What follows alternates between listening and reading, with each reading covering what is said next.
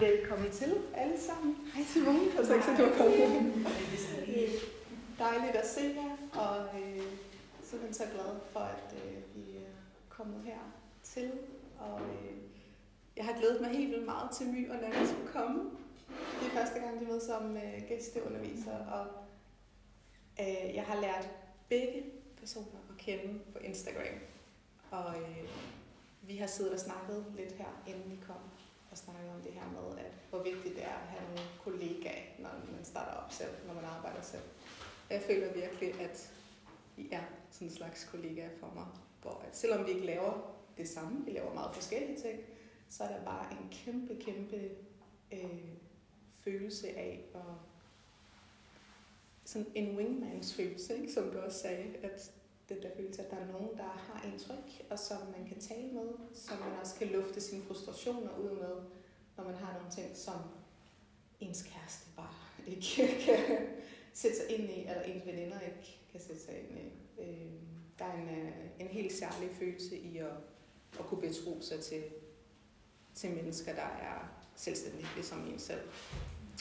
Øh, så jeg havde tænkt på at øh, snakke med My og Nana om det her med at starte op og øh, skifte fra at være ansat, for det har vi alle sammen, os tre her, vi har været ansat i virksomheder, indtil vi tog skridtet og blev selvstændige. Og jeg synes, at det er meget interessant at tale om den transition, og også om det første år, øh, som nystartet. Alle de følelser og de beslutninger og do's and don'ts. øh, ud fra vores perspektiv i hvert fald. Øh, så jeg vil lade, jeg tror, jeg vil øh, give ordet til, jeg vil starte med My, om du lige kunne sådan fortælle lidt om, hvad du lavede før, og hvordan du valgte at starte op som selvstændig. Mm. Jeg har både studeret medicin, og så har jeg hoppet ud, og så har jeg arbejdet for i IC Company som en sort, eller det hed IC Company dengang, nu hedder det DB Company. Arbejdet i den i mange år, og så har jeg bare på barsel i år, og jeg har fået fire børn lige i træk at komme tilbage på det her barsel og tænkte, det er svært at være, det er svært at få det til at gå op, eller det var det i hvert fald for mig, det var svært at få til at gå op med den karriere, jeg havde forestillet mig, at jeg skulle have inde i en stor virksomhed, øh, og få det til at gå op med at have mange børn. På det tidspunkt havde jeg ikke så mange børn, men jeg synes, det var svært at få det til at gå op. Og så da jeg var, øh, da min mindste, han var et år gammel, så gik jeg i gang med at være selvstændig. Sådan lidt by accident i en romantisk fase, hvor at alt var godt, og, og, og man var super kreativ, og ja, øh, sprang ud i det, og det vil sige, thank God for, at jeg var romantisk, fordi der er virkelig mange ting, som jeg ikke vidste, og det har vi så også, det har vi også tænkt om, hvordan det er, at det var måske, det havde været rart, og ligesom også at have vidst de ting på forhånd, og have været forberedt på, at øh, selvom der er rigtig meget, der er helt fantastisk ved at være selvstændig, så er der også mange øh, udfordringer mm. ved at være selvstændig, så man, øh, og man har brug for andre. Man har brug for et netværk, og man har brug for sparring, og man har brug for opbakning mm. på mange øh, tidspunkter. Men jeg laver så børnetøj, og gør det på 4-5 år. 5 år må det så være. Ja. Og med dig, Anna? Hvordan var det? Jeg håber, det med barsel, du skriver på dit CV. 8 års barsel. 8 års barsel. Men øh, 8 års det barsel. godt gået. Ja. Ja. Ej, ja. Mega dejligt at være her. Spændende at møde jer. Øhm, jamen, altså, jeg har en baggrund som designer. Jeg er uddannet designer fra Danmarks Designskole. Jeg har arbejdet i modebranchen i mange år. I København 10 år.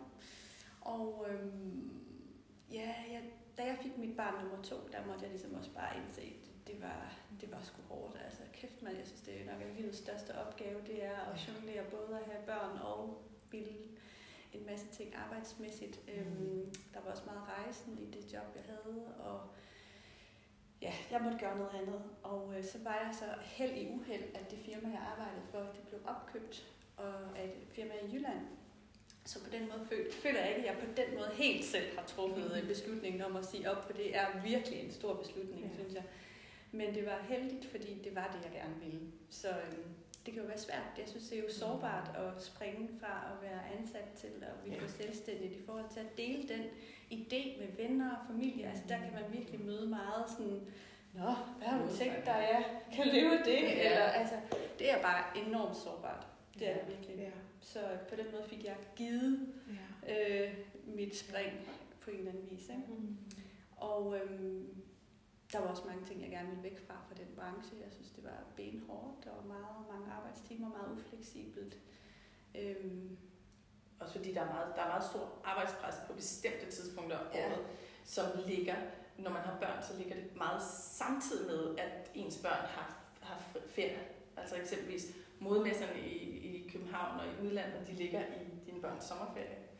Så man er, man er væk den første uge af deres sommerferie, man er væk, øh, øh, og så starter den så igen i starten af januar, hvor du sådan lige er kommet ovenpå. Altså der er en masse ting, som du ikke kan undsige, når du arbejder i øh, når du arbejder i, i en virksomhed, hvor det er lidt mere fleksibelt, hvis du arbejder for dig selv. ja, Ja. Og har valgt ikke at, at satse på, at det skal være 100% af din, af dit der ligger der. Ikke? Ja. det er meget ufleksibelt at arbejde i modbranchen, og hvis man så også samtidig butik eller et eller andet, så er der også meget ufleksible øh, tider i forhold til det. Ja. Ja. Det handler i hvert fald i modebranchen rigtig meget om, at tingene skal komme hjem til tiden. Ja. hvis de kommer for sent hjem, så er de outdated, og så kan de ikke Ja, solgt. så der de er enormt sådan meget, meget højt tempo. Og det, er, det, Jamen også- det oplevede jeg meget slidsomt. Men også fordi man, man sidder faktisk, man leverer en sæson, sælger, øh, altså sælger en anden sæson, mens du arbejder på en tredje sæson, og det gør du hele tiden. Mm. Og sådan arbejder du, hvis du arbejder i de strukturerede modvirksomheder, som vi begge to arbejder i, så er det sådan, du arbejder. Du arbejder på tre sæsoner konstant.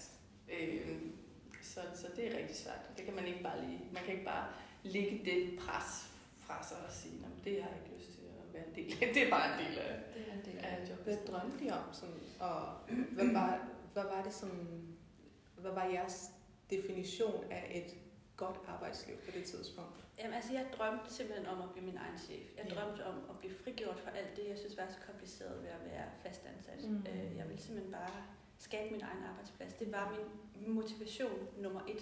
Ja. Altså, om det så var tøj, jeg lavede, eller noget andet. Jeg ville skabe min egen arbejdsplads. Jeg ville simpelthen væk fra at være fastansat. Øhm, når jeg tænker tilbage på det, det var også det, jeg lige nåede at sige til dig, så har jeg måske haft en lidt for stor drivkraft mod, at jeg vil væk fra noget, mere end at jeg vil hen imod noget. Mm. Altså, det var ikke min passion for at lave tøj, det havde jeg gjort så mange år. Jeg ville bare væk fra at være fastansat i modebranchen. Ja. Øh, og der kan jeg egentlig godt, det kunne jeg egentlig godt have tænkt mig, at jeg havde reflekteret mere over, fordi Mm. jeg kan jo se, at nogle af de ting, jeg synes var svært i modebranchen, da jeg var fastansat, har også fulgt med Mm. i mit selvstændige virke. Så, så hvad er motivationen, den ægte motivation? Det, og det er jo ikke fordi, at det nødvendigvis skal være, at man drømmer om at opfinde den nye hjerneklap eller et eller andet. Det, alt, alt er tilladt. Ja. Men hvad er det? Ja. Og det må også gerne være, at man gerne vil have mere frihed til at være sammen med sine børn. Mm. Det er bare vigtigt, at man kender dem. Det er vigtigt, at man er ærlig. Ja, at man er Man ærlig. behøver ikke at sige det til andre. Nej, Altså, præcis. det er bare det, Det, at sige det, det, det, til er jo sig så selv. det andet, hvad er det for Ja. en historie, man fortæller, når man går ud. Det behøver sikkert være, at øh, jamen, nu, har jeg, nu skal jeg være øh, en førende iværksætter, fordi jeg vil være mere sammen med mine børn. Det vil der være nogen, der synes Ja. lyder lidt, nå, kan du få det, hvordan går det op, ikke? Det Ja. behøver man ikke sige. Det kan du bare sige Ja, til det dig selv, man og den du kender allerbedst, ikke? Øhm, ja, jeg synes, den der motivation, det er vigtigt at være ærlig omkring den, og det er ikke noget, der er rigtig forkert. Nej. Men det er, øh, det er ret interessant at stå der og, og tænke på, hvad det er. Sådan, ja, det her med, at der er noget, der skubber en væk. Ja, Og, men er der noget, der også trækker en til? Ikke? Fordi det er ret væsentligt at kigge på, hvad det er, man definerer som godt. ja. Men jeg vil også indskyde, altså ens passion må også godt ændre sig hen ad vejen. Ja. Men det behøver ikke være statisk. Det kan være, altså jeg, da jeg startede, der ville, der, ville, altså, der ville jeg aldrig lave sæsoner i børnetøj. Jeg ville kun lave uden sæsoner, jeg ville kun lave det på en bestemt måde. Og det er meget vigtigt, at man er fleksibel i det, Mm. og ser virkeligheden i øjnene, når man står i de her situationer og siger, okay, men det er ikke kompatibelt med resten af verden. Så man bliver nødt til at bare være fleksibel og sige, ens passion må også godt skifte hen ad vejen. Og så er det også vigtigt ikke at føle, at man har forpligtet sig over for andre. I har kun forpligtet jer over for jer selv og jeres egen identitet i det her. I har ikke forpligtet jer over for andre. Det er lige meget, hvad andre synes om det her skift, I laver. Fordi så længe I selv er med i det skift, Så, så, så opfatter folk det som, at du er ærlig. Og det er ligesom det, der er vigtigt. Det må godt være fleksibelt. Det må godt være, jeg startede med en passion om at lave noget, noget og det har så udviklet sig til noget andet, og det er også helt i orden. Så Det, det, er også for man, man udvikler sig også som person hen ad vejen, Ja. fordi man får så mange nye erfaringer, jo længere man kommer i sin rejse.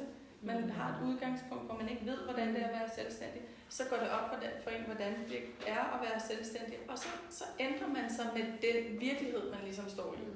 Og det er vigtigt at være, at være åben over for det, og ikke bare sige, "Nå, men jeg har jo sagt til alle folk, at jeg vil lave det her. Ja. Og det har, det har tit sådan nogle gange, at jeg har sagt, at jeg aldrig vil lave et print. Ja. Okay, men du er ikke bundet af det her, fordi det har du sagt på et tidspunkt, hvor du synes, det var rigtigt. Ja. Og så lige pludselig så har du fundet en print, der bare lige passer ind. Så lav du det print. Eller så øh, s- gør noget andet. Brug den font eller et eller andet, som du har sagt, du aldrig vil bruge. Ja. Men du skylder ikke andre noget. Nej, det er fuldstændig rigtigt. Det er så en sandt. god pointe. Det er jeg så startede jo også ud med at, være, bør- lave børnetøj. Ja. Så var der nogen, der skrev til mig på Instagram, kan man ikke få den i voksen? Mm. Så havde jeg lige nogle rester ude ved min leverandør af det der stof, så fik jeg lige lavet 10 voksne pyjamas, og så blev de bare solgt Ja. på en uge, så sådan, nå, det var jeg skulle lave voksentøj. og nu Ja. sælger jeg primært voksentøj, Ja. og jeg er faktisk ved at, altså, Glad for det. meget mest glad for at lave voksentøj, og Ja. det er egentlig den vej, det har taget. Men det er bare for at sige, at man starter et sted, Et og sted, så skal man være bevægelig. Ikke? Ja. Man skal også starte et sted, også Ja, ja. til, hvad man godt kan lide Ja. eller drømmer om. Det er jo godt, ja, præcis. Og det vil også være helt urealistisk at forestille sig, at det vil repræsentere ens fremtidige ønsker. Ja. Altså, fordi man, man forandrer sig i, i meget høj fart, synes Ja. jeg, når man er selvstændig. Fordi Ja. man bliver hele tiden presset, Ja. hele tiden udfordret, så ens, ens modningsproces er meget hurtig. Meget hurtigt, ja. Øh, eller meget effektiv på en eller anden måde. Ja, men også fordi du er tvunget til at agere. Altså, du er tvunget til at forholde dig til nogle helt fakta. Der er sådan ting, du skal have styr på din moms, du skal have styr på dit skat, du skal have styr på det her. Der er ikke nogen, der har styr på det for dig. Det, altså, så du er tvunget til ligesom at optage viden ekstremt hurtigt og implementere det i din virksomhed, samtidig med at du er kreativ.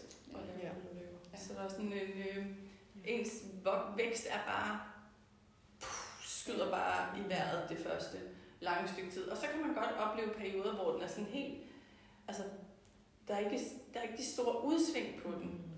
Og når man er der, så skal man huske at kigge tilbage og se, hvor man startede. Og sige, hvad virkede, hvad virkede ikke, hvad var godt, og hvad var ikke godt, og hvad har jeg det godt med i det her? Fordi hver trin, du tager, har en, en pris for dig. Om det er tidsmæssigt, effektivitetsmæssigt, øh, alt har ligesom en omkostning. Så det er vigtigt, at man bruger de der perioder, hvor man er på en lidt plateau, at man stopper op og kigger på det og siger, hvor langt er jeg kommet? Mm. Nana og jeg, vi har kendt hinanden i, i 3-4 år efterhånden på det her, øh, i, i, kraft af, at vi er selvstændige, og vi var på det samme. Og i den tid, det accelererer også venskaber. Altså helt vildt. Og det er vigtigt at have nogle venskaber, hvor man er jævnbyrdig. Hvor det er, man har jævnbyrdige udvekslinger med, så man husker, hvor langt man er kommet. Mm. Og kan, altså, kan spejle sig, fordi man har, har man haft et eller andet sted frasagt sig kollegaer. Og vi har bare brug for gode netværk, som er jævnbyrdige. Ja. Ja. Altså enormt meget. Mm. Og plateauerne har vi også brug for. Ja. Og plateauerne er ikke dårlige. Altså, jeg kan... Jeg sad i bilen og snakkede med Nana, og så sagde hun, hvad, hvad har man egentlig... Nana sagde, hvornår man lykkedes? Ja, Hvornår er man lykkedes? når man egentlig lykkes, Ja. fordi det var det, vi tænkte, vi skulle op og snakke om i Ja. dag. Nå, hvordan har du lykkes som Ja. iværksætter? Så tænkte jeg, jeg ved sgu ikke, om jeg lykkes. Men havde Men hvornår man lykkes, ikke? Ja. det skal man også huske, Ja. og man må egentlig gerne sætte nogle delmål, for ellers ja. så kan det føles, som om man aldrig Ja. lykkes. Ikke? Ja. Men også fordi, at man, det er meget målbart for en nogle gange at kigge på ens omsætning. Og på et tidspunkt så er jeg sådan, ej, bare jeg sælger for, for 2.500 i den her måned af børnetøj. Ikke? Og det kan virke helt skørt nu. Altså, hvor man, men jeg føler stadig, at jeg er lige så nybegynder i det, som jeg var dengang.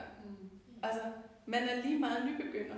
Og man tror altid, at fordi man kigger ud på Instagram og siger, ej, hun har vildt mange følgere hende der, og hun har nok mega meget styr på det. Eller har man ej, altså, Nej. fordi man er hele tiden på den her rejse. Ja.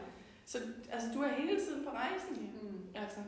Jeg tænkte på det, du sagde med, at ens, øh, ens øh, hvad hedder det, passion øh, og, og drømme ændrer sig meget i takt med, at man udvikler sig. Mm. Men det gør ens øh, definition af succes virkelig ja, også. ja. Altså, Øh, og, det er, øh, og det er virkelig, virkelig hjælpsomt at kunne tale med andre, der har kendt Ja. en. Altså det er, øh, det er sådan ligesom at få et, et lille wake-up call en gang imellem, Mm. når man føler, at, Ja.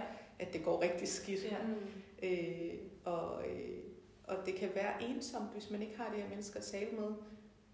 Og jeg tror, at det kan være, øh, at nogle selvstændige tænker, at de ikke kan have det her tætte forhold til andre kollegaer, fordi det er konkurrenter eller Mm. noget. Øh, men, men der er nok kunder til alle, tænker jeg Ja, ja. altid. Uanset hvad man laver, så er der nok kunder til alle.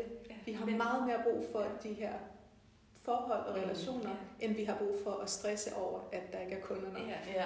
Øhm, Men det handler også om, jamen det handler ligesom om at finde ens...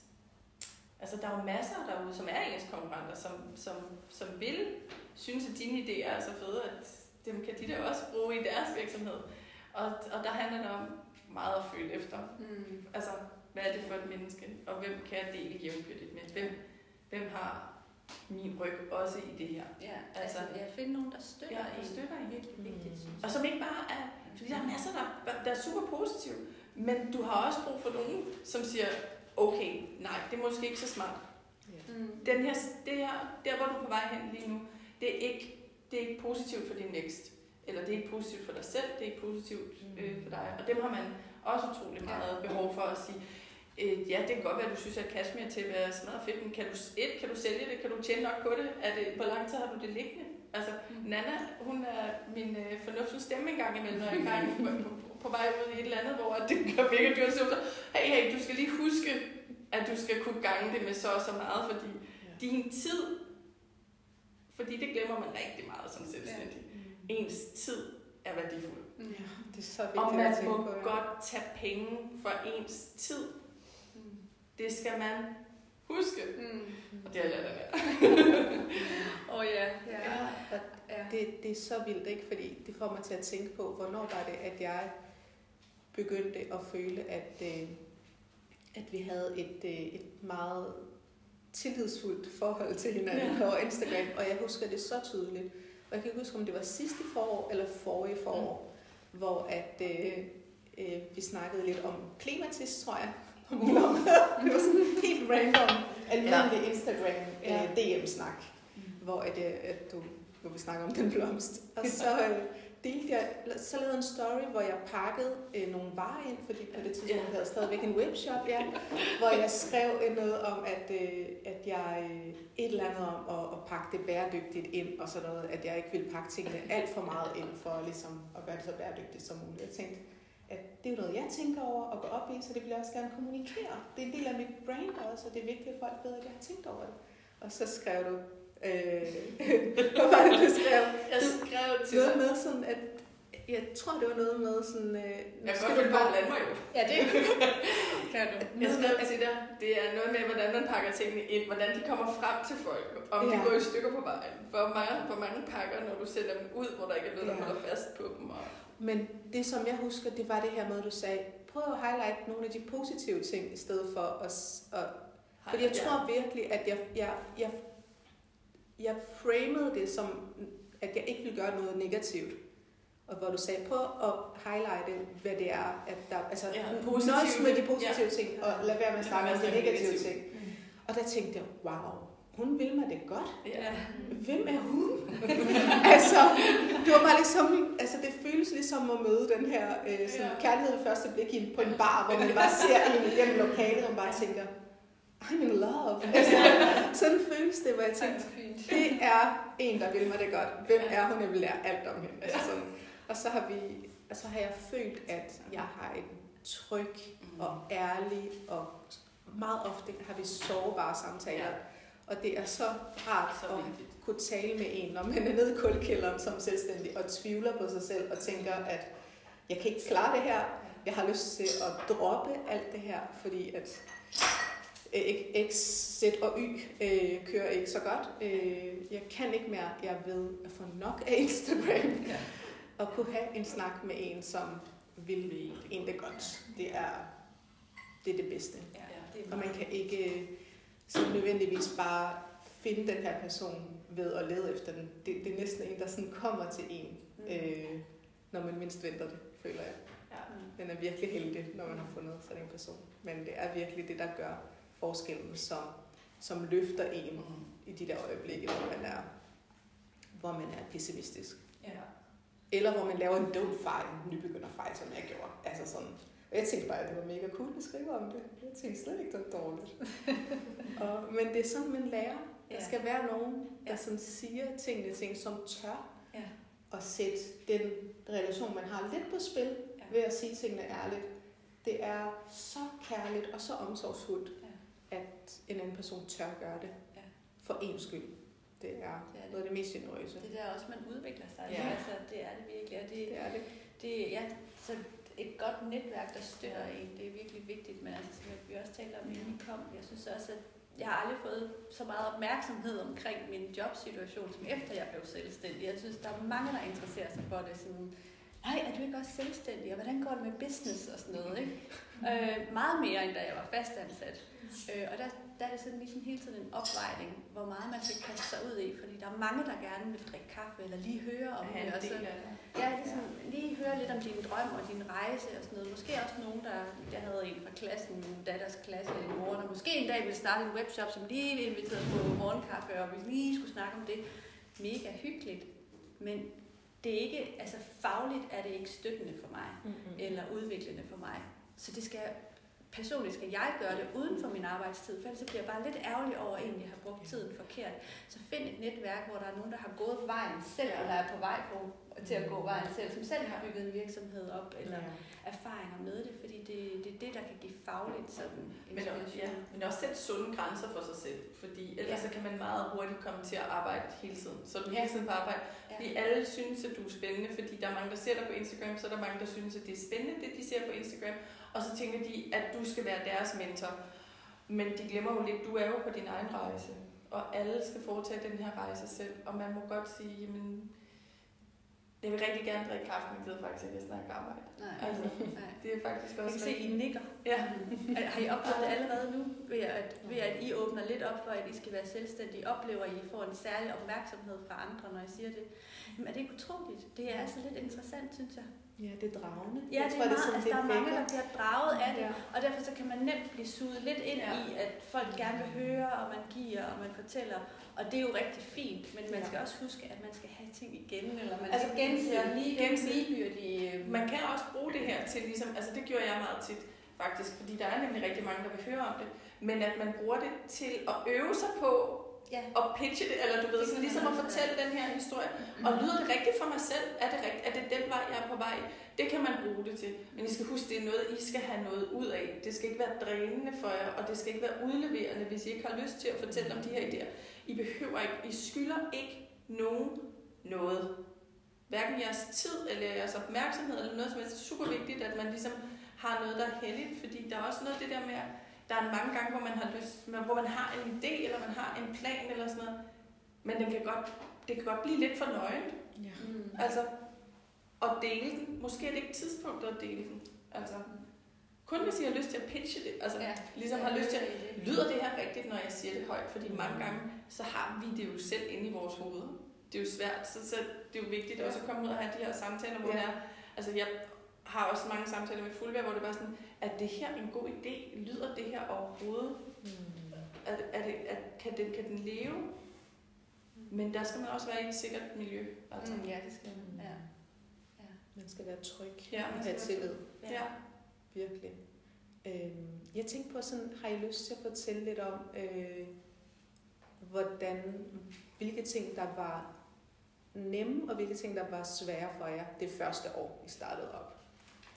Sådan, hvis I spoler tilbage og sådan husker det allerførste år, fordi den er Ja. så skilsættende, det Ja. år der. Altså det, der var nemt for mig, var jo, at jeg ikke skiftede branche. Så jeg havde egentlig mine kompetencer med fra min tidligere branche, og jeg havde et netværk af leverandører og producenter, jeg kunne tage med videre. Så jeg kendte ligesom til, til hele møllen, øhm, og det var klart en fordel for mig, at, Ja. øh, jeg havde et øh, leverandørnetværk, jeg kunne trække på. Det er virkelig guld værd. Ja, det er det. Og så gjorde jeg også det, at jeg besluttede at være øh, freelance mm-hmm. ved Mhm. siden af, og det var, en, det var udelukkende økonomiske årsager. Så jeg var rigtig heldig, at jeg fik en opgave, der faktisk strak sig ud over et år i et firma, som jeg arbejdede for. Og det var ligesom... Mm, ja, det, det gjorde, at det ikke var rent tilsætning det første Mm. år.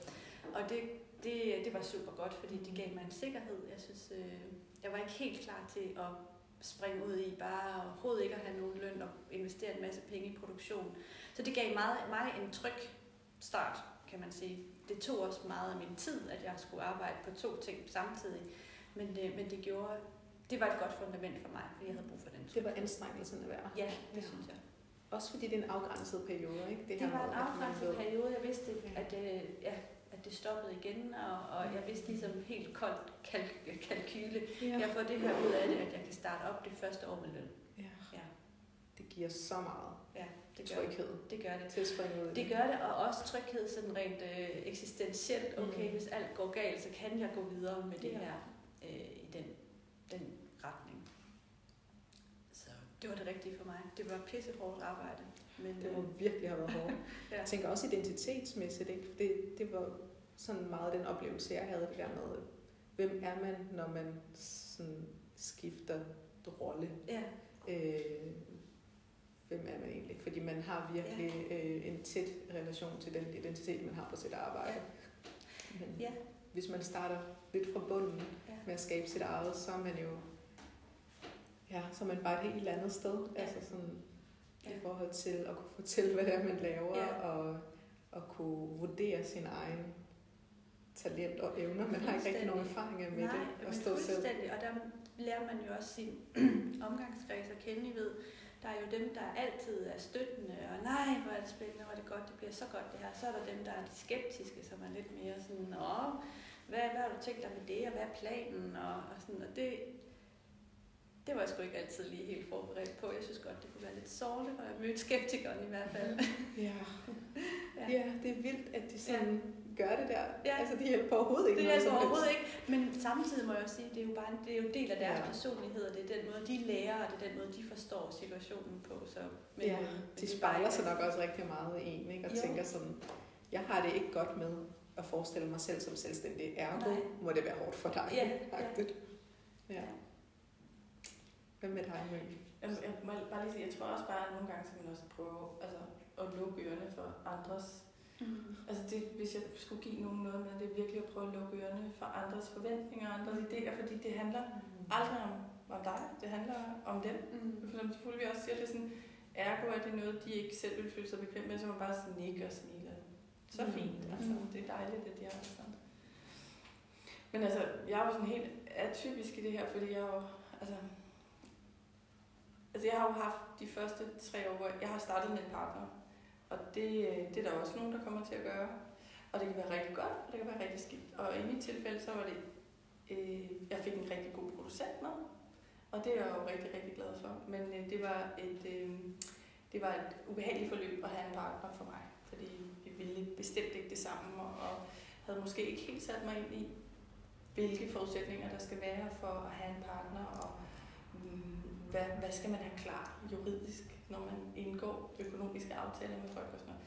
Så det første, jeg vil, jeg vil sige, det første år, som var, hvor jeg var alene, var enormt øh, spændende, for jeg har ikke arbejdet i øh, sådan andet med design på den side. Jeg har arbejdet med salg på den anden side. Og det var det, jeg ligesom gik ind i virksomheden med dengang.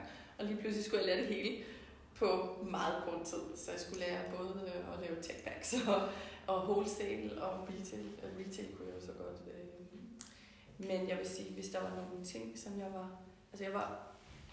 Jeg har været så beskyttet af, at øh, jeg ikke har økonomisk været afhængig af, at jeg skulle have en løn på den måde. Og, og det har jo helt klart... Økonomi skal man virkelig være klar på, at der, man sætter penge til det første lange stykke tid. Og man skal have lavet en økonomisk plan for det her, fordi øh, selvom det ser godt ud på, så har man hele tiden investeringer, især hvis man arbejder med produktion, som Nana og jeg gør, så har man hele tiden en økonomisk, du har hele tiden økonomi. Og, og så for mig så har det været lidt anderledes. Øhm, men der er helt klart nogle ting, hvor jeg vil sige, jeg skulle have været bedre til at lægge nogle planer For, fordi det kan godt være, at jeg kan klare mig uden at få løn, men en virksomhed kræver også økonomisk opmærksomhed. Og, ja. Så det, der, er jo, der er helt klart, der er en masse ting ved det første år, som jeg synes er fantastisk. Kreativiteten, den vælter bare ud af en. Og al den kreativitet, man ligesom har, den skal man bare skrive ned, Ja. optage, øh, diktere den. Alle de idéer, I har i det første lange stykke tid, dem skal I bare få ud af kroppen på en eller anden måde. Skriv det ned, fordi det er ligesom sex det første år med ens kæreste. Der er tonsvis af det, og så kan det være, at der er tørkeperiode, og så kan man hente tilbage i det og sige, okay, der var noget super fedt her. Ikke? Men, men det er faktisk lidt det samme. Det er som en forelskelse. Du er simpelthen så meget i, i forelsket det her projekt. Og det skal man virkelig Ja. Bare hælde Ja. ud. Hvis man er god til at skrive det ned, så skriv det ned. Hvis man er god til at tegne det, så tegne Det det. Hvis du er god til at det. optage dig selv, når du siger det, så optag det. Lav moodboard. Lav moodboards. Ja. Alt muligt. Al din kreativitet. Lad være med at tro, du kan huske det, fordi lige pludselig er din hjerne bare fyldt med praktisk momsregnskab og skat og alt muligt. Fordi jeg kan love jer for, skat og moms, det slipper I bare ikke for. Det er rigtigt, der kommer meget hverdag, Der er ind, hverdag i, ind i billedet, Ja. og, Ja. øh, og, så, så, og det, det trykker den der Ja. kreativitet ned, ikke? og maser den nærmest. Ja. Og, og det er helt vildt også, så gode ens idéer er det første Ja. år. Og man kan ikke selv Men se de det. er sindssygt gode. De er gode, De men man er kan ikke se det. For de er helt rene. Ja. De er helt, de er helt fri fra øh, angst, og øh, for der, de er så fulde af mod, altså de er så fulde af mod alle de idéer, I har nu.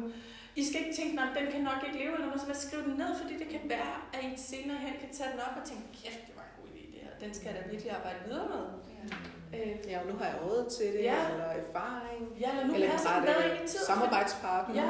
ja. Men også bare ting, som man laver, fordi det kan godt være, det ikke nogle gange er man bare meget forud for ens tid. Ja. Ja, det skal man virkelig også Ja, tage seriøst. det skal man også tage Ja. seriøst, fordi det kan godt være. Og nogle gange så kan du se, gud for fem år siden, det- der lavede det der. Ja. Og nu er det bare shit, ej, den Ja. skal da bare, man bare elsker selv det år, altså. Ja. ja. Og stol på den, øh, Ja. det overflod af, af kreativitet. Ja, Fordi det er den der, det er det der sådan, man er lidt naiv, Ja, og ja, man det er er meget lidt uskyldig. Ja, ja, godtroende. men, og man er lidt derfor som barn idéerne på er også bare helt reelle. Ja, Ja. altså, de, er sådan, de er ikke ting, de er helt upåvirket af Ja. alt muligt, og der skal man, det skal man virkelig ikke... Man er øh, meget lidt kritisk, Ja. Fordi man bare ikke har fået nogen slag. ja, ja, Og det er jo sådan en person, man gerne vil have ind ja. på femte år, eller sådan Ja. på fjerde år, eller Ja, ja, man vil gerne have sig selv tilbage. derfra. Præcis, ja. Så derfor så, ja, det vil jeg helt klart sige. Lav, ligesom Nana siger, lave moodboard. Og også noget, som jeg også har oplevet senere hen øh, i den her proces, det er, hvor vigtigt det er at kunne tage idéerne ud og kigge på dem. Altså præcis et fysisk ægte moodboard, hvor I kan sætte tingene op og se dem i perspektiver og se tidslinjer, eller hvad der nu virker for jer, men bare det, at man kan, det er, det er fysisk på en eller anden måde for jer. Angribeligt, ja. Ja. Øh, Også sådan noget som øh, ens kæmpe store drømme, sådan Ja. over the top drømme om vilde, vilde, Ja. vilde ting, man har lyst til at opleve. Sådan skriv det ned, fordi Ja. Det er det, der er med til at påvirke en den rigtige vej Jamen, på det er helt hele rigtigt. Jeg tror faktisk, det er meget, det er meget rigtigt. Det er drømmene, der virkelig Ja. også bare lever det første år. Ja. Og så bliver de bare, så får de bare et gok, gok, Ja. momsregnskab. Ja. Altså, det, øh, ja. Men der, men der er jo noget, som jeg... Hvis, altså, øh, jeg synes, alting er fantastisk ved det her. Jeg synes stadig, processen er fantastisk. Jeg laver, man laver det jo stadig. Vi laver det jo stadig på femte år, og man har fået, fået tæv hen ad vejen. Men der er nogle praktiske ting, som man ikke må lukke øjnene for hen ad vejen. Altså, og, og så griner vi lidt af det der momsregnskab. Men et momsregnskab er ikke for sjov. altså, det er bare ikke for sjov, fordi du skal levere det. Og jeg har prøvet ikke at levere til til tiden, og så får du en bøde. Og der er ingen kære mor. Du kan bruge tre dage i telefonen med skat, og de ved ikke, hvad du skal gøre. Altså, Mm. det er, altså, det er, I kan lige så godt bare forberede jer på det fra start af. Ja, fordi man, altså, jeg, har været, jeg er vokset op som voksen med Ja. at have en chef, Ja, som hvis jeg virkelig gået i stå med noget, eller har haft for travlt til at lave det regnskab, så kan jeg gå hen til min chef og sige, at jeg har brug for en uge til, eller ja, jeg har brug for en kollega, der lige hjælper mig, for jeg når det ikke. Det Det er rigtigt. bare, mit barn har været syg, Ja. jeg, jeg når det ikke. Det kan man ikke, når det man er kan man alene. ikke. Så har man sig selv, og man kan endda have en revisor, der ikke Har tjek på det. tjekker på det. Jeg har, jeg har prøvet at have en revisor, der kan tjekke på det, og det er lige meget. Det er fuldstændig ligegyldigt for skat, og det vil sige, at det er fuldstændig ligegyldigt for jer. Ja. Og så kan du risikere, at du skal betale 200.000 dagen efter. Fordi at revisor, og der vil jeg bare, altså det, det er en, det er en dyrkøbt erfaring, jeg har gjort mig. At have en revisor. I skal virkelig have tjek på, hvem der laver jeres bogholderi. Fordi der er ingen kærmor. Du, kan, du skriver også under på, når du afleverer dit regnskab, at du har styr på det. Men måske skulle vi lige øh, snakke om Ja. forskellen. Ja. Fordi det kan være meget hen- hensigtsmæssigt, enten hvis man selv vil stå for sit bogholderi, der kan man spare penge, hvis man ikke vil. Altså, det er dyrt at have en revisor til at stå for ens boghold. Ja. Øh, Og det er jo faktisk bare at have styr på udgifter og indtægter. Ja. Ja. Gennem bongerne føre Ja. dem ind, hvad bliver trukket, hvad kommer ind. Øh, det er bog, bog, Bogholderiet, ikke? Så er der revisoren står for regnskabet i forhold til, hvad skal der betales skat af, Ja. hvad er moms og alt den der afregning med skat. Ja. Så man kan med fordel, hvis man vil spare penge, selv lave til bogholderi, hvis Ja. man har styr på det. Det gør jeg. Ja, det gør jeg også selv. Og jeg har et program, der hedder Dineo. Hvis ikke I kender det, så få det, for det er et fantastisk program. Jeg elsker Jeg skal det have det. program. Altså, Jeg lavede det ikke selv, stadigvæk på fem dage. altså jeg vil Jeg også lige så sige, det kommer, altså det er også rigtigt, men man skal finde det, der fungerer for ens. Ja, Fordi ja. det kommer meget an på ens branche, ens kompleksitet og ens omsætning.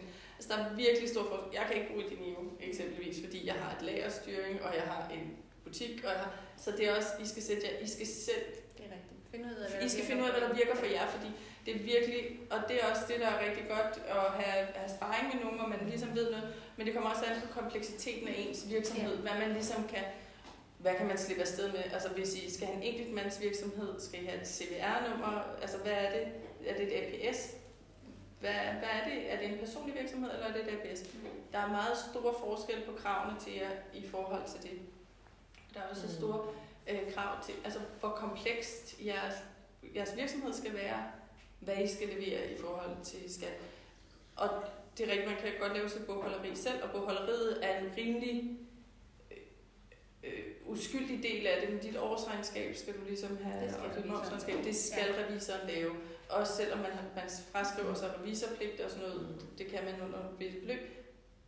Men I skal selv have styr på det. Er også det der, er en kombination af, hvor intuitiv er man med Ja. sådan noget som regnskab og, og tal, og hvor kompliceret er det, man Ja. sælger. Ja. Øh, Ja. Fordi at hvis det er den rette kombination, ligesom med mig, at jeg synes, det er okay at arbejde med Excel og tal, og det jeg laver, Ja. det er ikke så, jeg har ikke så mange ting, Nej. forskellige ting. Det er ganske få ting, Ja. jeg sælger, og der kommer ganske få transaktioner, så er det til at gøre. Men hvis man har den der højkompleksitetsvirksomhed, og øh, så skal man, ja, det, det kræver noget andet. Du anbefalede en god øh, løsning, kan jeg huske, hvor du sagde, at du giver ikke særlig meget per år for at få øh, bogholderhjælp. hos- Ja, man kan få sådan en, man kan have sådan en bogholder, hvor de så laver det hver måned for dig. Øhm, så betaler man, nu lyder det, altså så betaler jeg 2.000 kroner om måneden, og det inkluderer så også årsregnskaber. Og det, det kan man så vælge at gøre, så laver jeg selv nogle små bogholderier for butik og sådan. Ikke? Men, øh, men det er faktisk en rigtig rar løsning. For så, så står de ikke sidst på året, når de så skal lave Nej. og så skal finde ud af, så skal du lige pludselig finde alle dine bilag frem, for så er det lavet øh, kontinuerligt over over.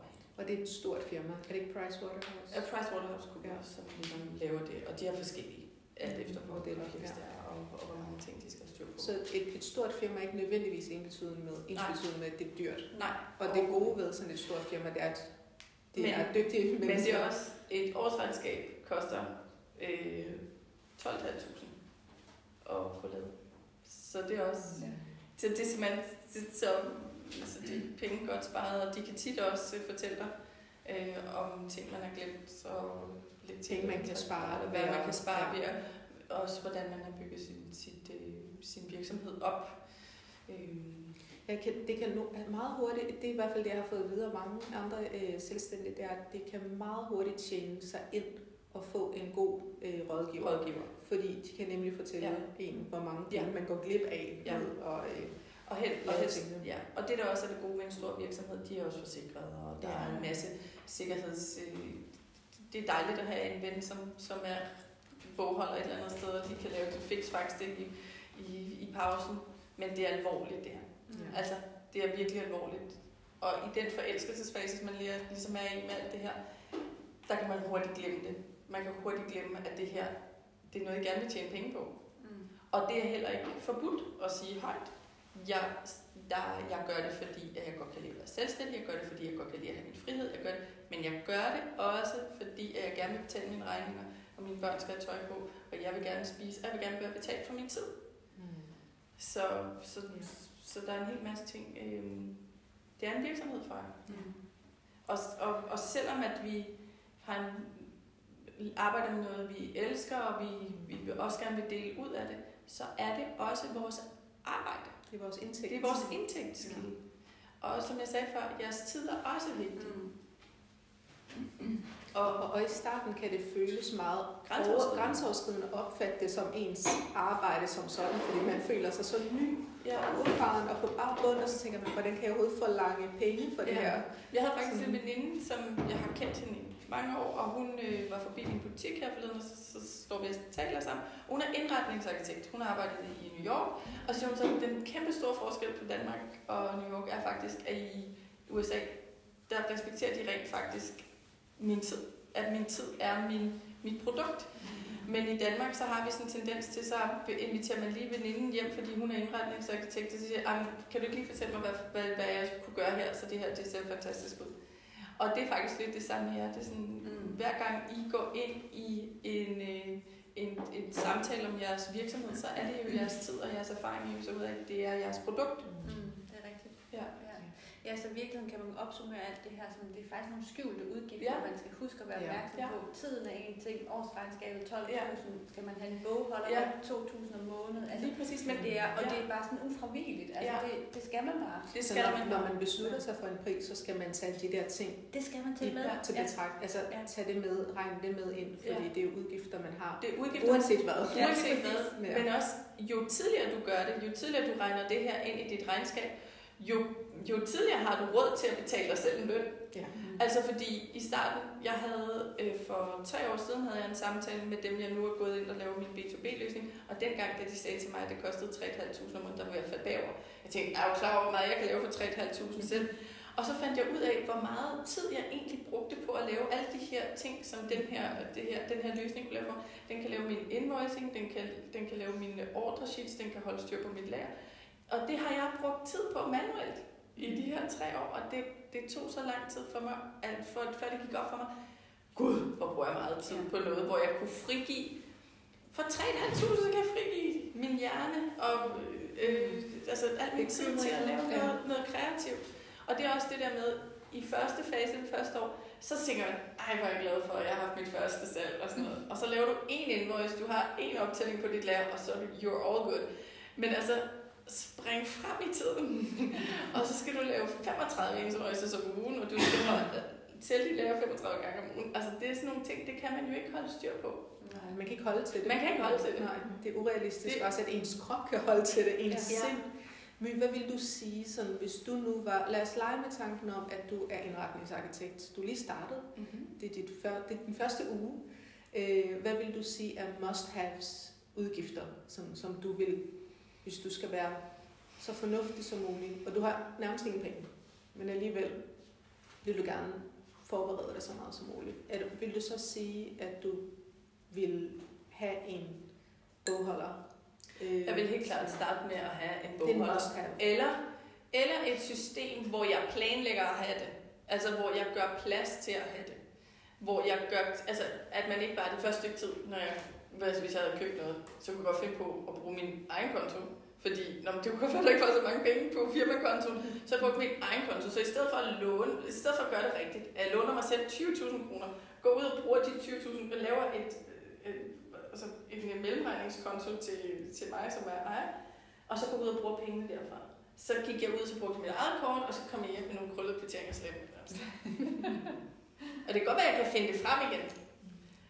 Men helt klart, fra start af at gøre sig klar, at der skal være styr på dit regnskab, der skal være styr på, hvor, hvor, bruger du dine penge hen? Du kan ikke bare, nej, jeg køber noget vand, fordi det er smukt, og det skal stå i, til et fotoshoot eller sådan. Alting koster penge, og have et system til at Alt kan samle trækkes fra. alt kan trækkes fra os. Det er er også noget motivation. motivation også. Men helt klart at forberede dig på vækst. Mm. Forbered dig på det. Fordi det kommer bag på dig, for det kommer lige pludselig. Ja. Så kommer der en vækst, og så er du ikke forberedt, og så er man, så puh, så skal du ind og finde et presset, og så skal du ind og finde et system, og så skal du ind og finde det Gud, jeg skulle også. Ja, jeg skulle også, Gud, jeg skulle også have sat min hjemmeside op til det. Gud, jeg skulle også have et betalingssystem. Gud, jeg skulle også have... Forbered dig på, at du vækster. Det er både motiverende for dig, og så, det, så, så gør du dig selv en kæmpe tjeneste. Det er også en form for manifestation. Lige ikke? Det er en meget seriøs, Ja. ambitiøs manifestation af, at du ved, at det her det kommer til at gå godt. ja. Øh, og du tager dig selv alvorligt og passer på dig selv, fordi at... Mm, Ja, men også der er også nogle andre, Ej, okay, jeg snakker rigtig meget, men der er også nogle andre ting. Også det der med at være, i starten kan man være for ydmyg til at tage penge for sit produkt. Nu sælger jeg jo et fysisk produkt, ikke? Og det er jo meget nemt at se, se produktet. Men man glemmer at se alle de ting, der også ligger bag produktet. Der ligger min tid, der ligger transport, der ligger alle de andre Design. regnskaber, design, øh, marketing, alt muligt ligger i det her produkt. Og så møder man folk, som siger, Gud, jeg synes, det er meget dyrt for den her. Mm. Og i starten var jeg simpelthen så bange for det. Så jeg prissatte mine produkter for lavt, fordi jeg var ekstremt bange for, at folk ikke ville købe det, for jeg ville gerne sælge det til alle. Jeg ville gerne have alle købt det, og alle skulle kunne lide produktet, og alle skulle kunne lide mig. Og det har bare resulteret i, at jeg satte produktet for, for billigt, og det har taget mig tre år at få produktet op i ikke engang den pris, hvad det koster. Men det, I altid skal huske, der I skal ikke nødvendigvis tækkes et bestemt segment. Det kan godt være, at I kender nogen i det segment, men det kan godt være, at det ikke er dem, I skal sælge til så. Altså, kan I følge mig? Det er sådan, jamen, der findes nogen til jer alle sammen. Kan du give et eksempel? For eksempel nogen, der ikke vil give, betale det, som det bæredygtige tøj egentlig koster. Ja. For Ja, eksempel. altså det er faktisk stort. Altså 70 procent vil ikke. Mm. De andre 20 vil måske betale det på udsalg, og så findes der 10 procent, som måske er din præcise målgruppe. Men du skal heller ikke have mere end de 10 procent. Fordi så skal du have en helt anden vækst, som kun ligger hen til Maurits lige for, ikke? Fordi der, der er så mange andre ting i det. Men der findes de der 10 procent, der findes stadig folk, der kommer ind i min butik og siger, jeg synes, det er for dyrt. Okay. Og det, er bare, det, det skal I bare være okay med. Der vil ringe folk og sige, at man kan jeg få en rabat? Men I skal huske, hver gang I giver rabat, så er det penge fra jeres børn, det er penge fra jeres revisor, det er penge fra dig selv. Og de her penge er rightfully yours, altså. Ja. Det er ikke noget, der er... Øh, Nana, hun sagde engang til mig, My, du skal kunne gange dit produkt med minimum 5. Og det skal du, fordi et, der er transporten, der er skat, der er moms, der er husleje. Om det så er din egen husleje, hvor du sidder hjemme på dit eget kontor, men det er stadig der, du sidder. Der er blyanter, der er, Og uforudsete udgifter. der, er, der er udgifter, der er hjemmeside, der Ja. er billeder, der er influencer, der er folk, der får det i marketing, der er, lige pludselig har du et marketingsbureau, lige pludselig har du en agent, lige pludselig har det Så det skal er altså du. Det er altså produktionsprisen. produktionsprisen. Og vi, her produktionsprisen, der har du betalt folk for at lave det og alt sådan noget. Men alle de andre ting er noget, I skal tjene penge på. Men I skal også samtidig, og vi bor i Danmark, så vi skal betale skat og moms og alt sådan noget. Så det er bare, det skal I kunne, og I skal ikke være flove omkring det. Jeg har tit mødt andre selvstændige, hvor det er sådan, at vi vil gerne sælge vores produkt, og så siger fordi folk siger det er for dyrt. Men når de siger det for dyrt, skal I bare sige, Nå, I må ikke tage det ind, for det er ikke en refleksion af jer. Nej, det er en vigtig pointe, det der med prissætningen, Mm. at den bliver sat korrekt fra starten. Ja. Det kan være så svært at sætte sin pris op. Det er Ja. faktisk, det er simpelthen Det er svært. opslidende. Ja. Men også Ja. af segmentering, det er sådan lidt, hvis du placerer dig i et segment, hvor der ligger rigtig mange andre, så har du også alle dem som konkurrenter. Mm. Så jeg satte mig selv i et prissegment, fordi jeg tænkte, jeg skulle, jeg skulle konkurrere mod kongesløjt eller alle mulige andre. Men det skal jeg jo ikke, for vi har jo ikke det samme produkt, og vi har jo egentlig ikke den samme for- slutforbruger. Så det er jo, eller det kan vi jo godt have, men det er ikke det samme produkt. Og derfor så skal man bare ikke prissætte sig der. Du må godt prissætte dig højere, for det du er værd. Altså hvis du har vurderet, det det, du er værd. Selvfølgelig skal du ikke, altså, men altså, vi taler om realistiske forventninger. Men dit produkt og jeres tid skal I tage alvorligt. Helt fra start af. For jeg kan love jer for at gå, gå, ned, gå fra en lav pris op til en høj pris. Det er sværere at gå fra en høj pris og ned til en lav pris. Mm. Så sandt. Det, tager, altså det har taget mig tre år at rykke noget. Altså, jeg rykkede det øh, 59 kroner. Altså, det er virkelig så langt, det har taget mig. Jamen for, fordi Folk reagerer meget stærkt på, hvis Ja. noget er blevet sat, Ja. noget er blevet sat op, og det er det samme produkt. Mm. Og, og min pris er ikke engang kommet op på de gange fem, fordi så sker der alt muligt. Ikke? Men, ja. men det er virkelig. Det er en proces. Det er en proces, så derfor så synes jeg bare, forbered jer selv på, at I bliver en succes. Forbered jer på, at I vækster. Mm. Og tage jer selv alvorligt. Ja. Altså det er virkelig, Det er det eneste virkelig- rigtige, Ja. fordi det er, det, det er derfor, I gør det. Jamen også for ellers gør andre det ikke. For så, hvis de kan mærke, at du kan skubbes lidt i en eller anden retning, så gør de det. Og de gør det ikke af ondskab. Der er ingen, der gør ting af ondskab. Det skal man huske. Ja, de- det er, de har bare en anden øh, motivation. Ja, det er en motivation. De vil gerne have jeres mega dejlige produkt til en billigere pris. til en bedre pris. Og det vil alle. Altså, det, jeg vil også gerne have ting, lækre ting til den pris, jeg selv vil give for det.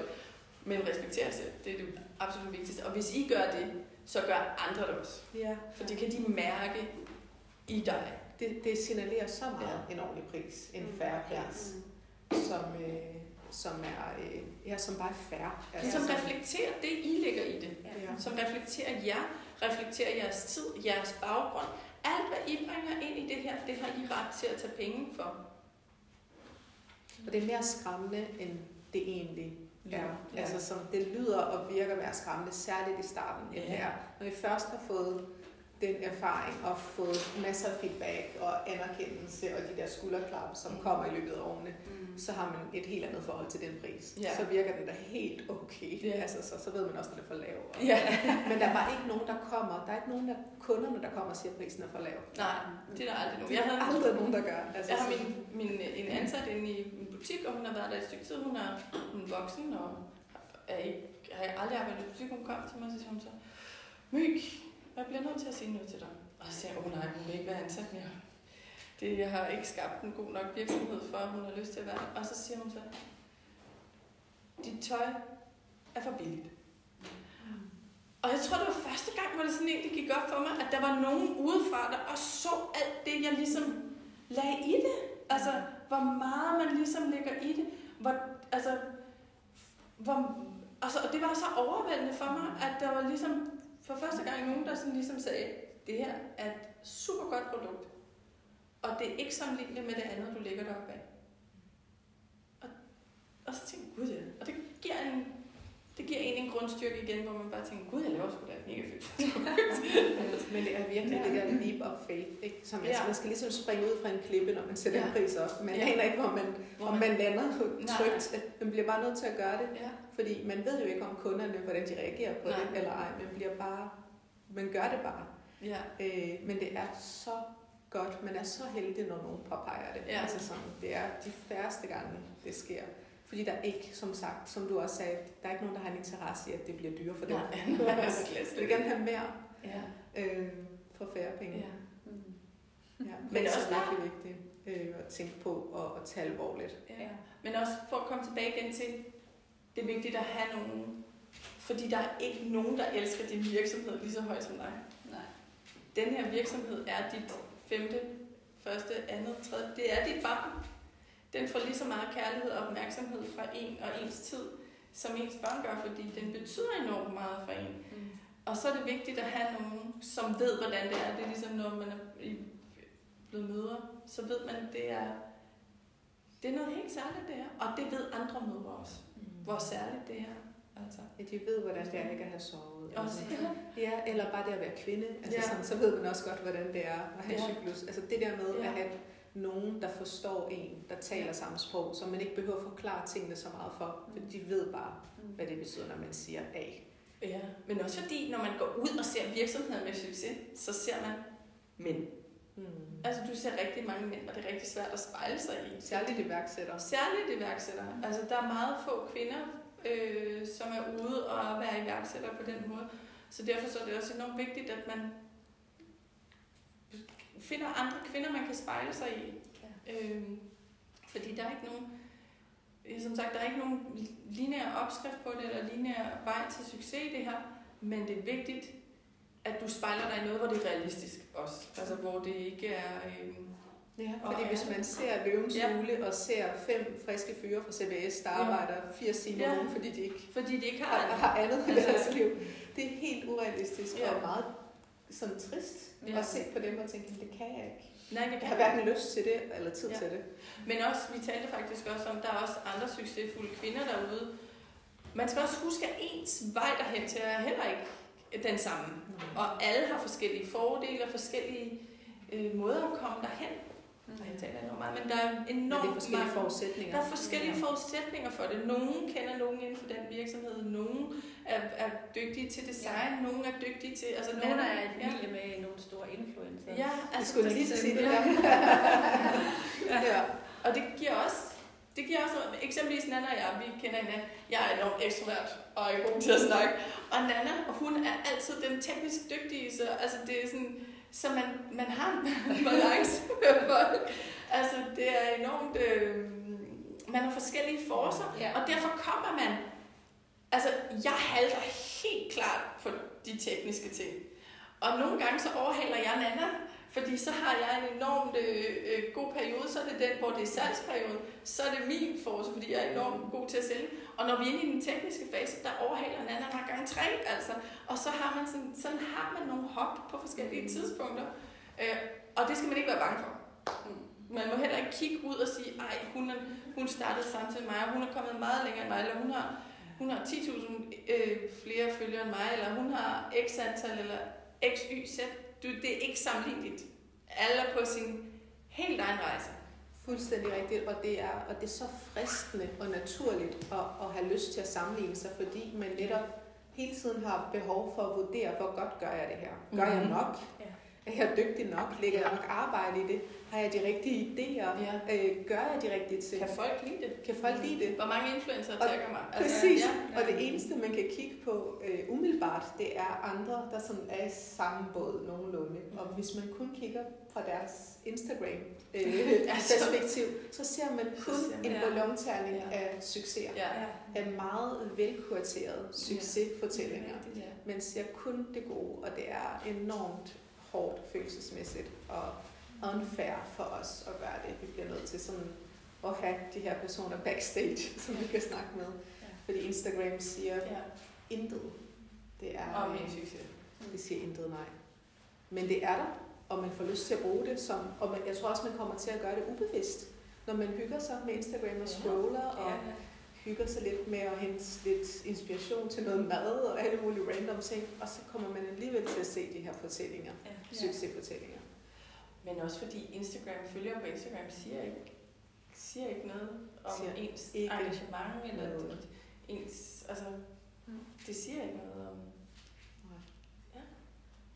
Det er lidt noget andet, men hænger selvfølgelig sammen. Men Jeg kunne bare godt tænke mig at vide sådan, jeg synes, det er enormt stort skidt, det der med familieliv og selvstændig. Jeg kan sådan, få mig til at bakke helt ud af sådan, jeg kan ikke overskue, at det skal tage al min tid fra min mand og mine børn og alt det her. Så sådan jeres råd, eller hvordan var det, og hvordan balancerer I det? Har I sådan tid til business og tid til familie? Ja, eller det er et virkelig godt spørgsmål. Ja.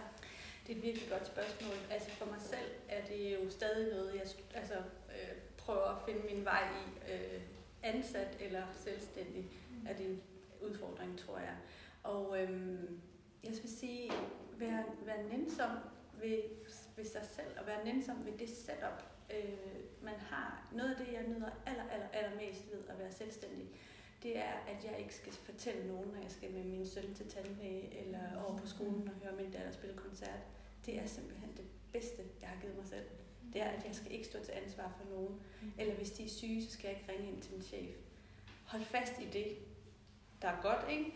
Men, øh, men det er en kæmpe ulempe, når børnene er syge igen og igen og igen. Vi har været lagt ned med bræksyge i sidste uge. Den ene tog den anden. Og jeg nåede bare slet ikke det, jeg skulle overhovedet. Og der er jo ikke nogen, der tager over for mig. Og det er simpelthen det allersværeste. Det er virkelig, virkelig svært. Så bare sige, vær nænsom. Og, og så stå ved det setup, man har. Vi har også begge to små børn. Øh, det havde også været svært, hvis han var ansat. Det er jeg sikker på. Og så bare være nænsom, og så nyde alt det positive, øh, det har. Og så ja, være, være, øh, være god ved sig selv i forhold til at skubbe deadlines, eller øh, ja, acceptere, at acceptere, tingene at man er... bliver udskudt. Lad være med at være hård ved dig selv. Ja. Ja.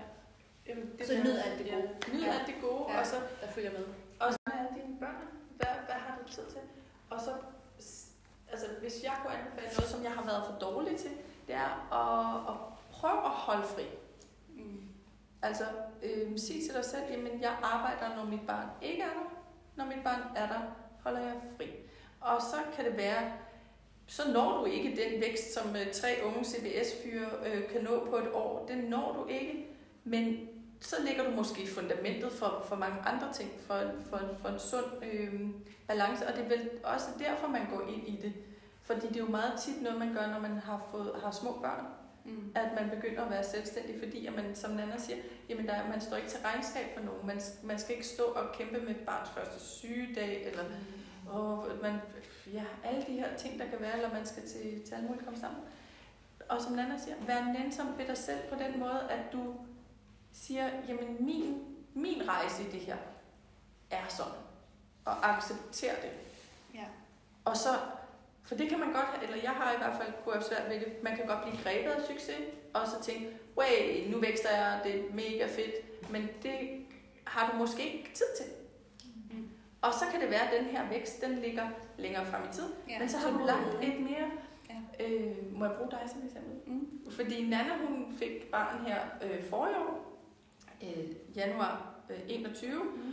og så, så kunne så Nana, så sagde hun, jamen det er okay med den vækst, jeg har lige nu. Måske skal jeg ikke stå og pakke, måske skal jeg ikke stå og måske skal jeg ikke lave en ny kollektion lige nu. Måske skal jeg bare fortsætte med det, jeg er rigtig god til.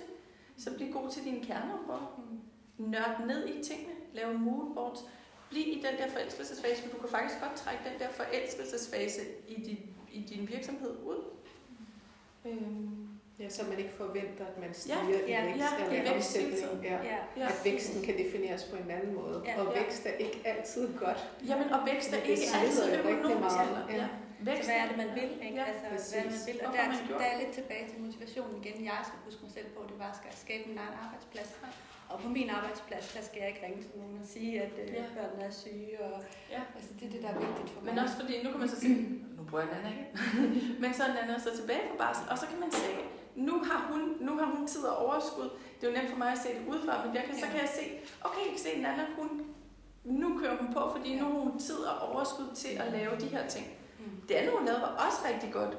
Men der var bare ikke, øh, der var ikke turbo på, og det er helt i orden. Mm. Men det kræver virkelig, altså det kræver virkelig, at man er, man er god ved sig selv, ja. og man, man, man tænker de der ting til ende, så man ikke går og slår sig selv oven i hovedet, Ja. med, at man ikke udvikler sig. eller Man skal være en god chef for sig selv. Ja.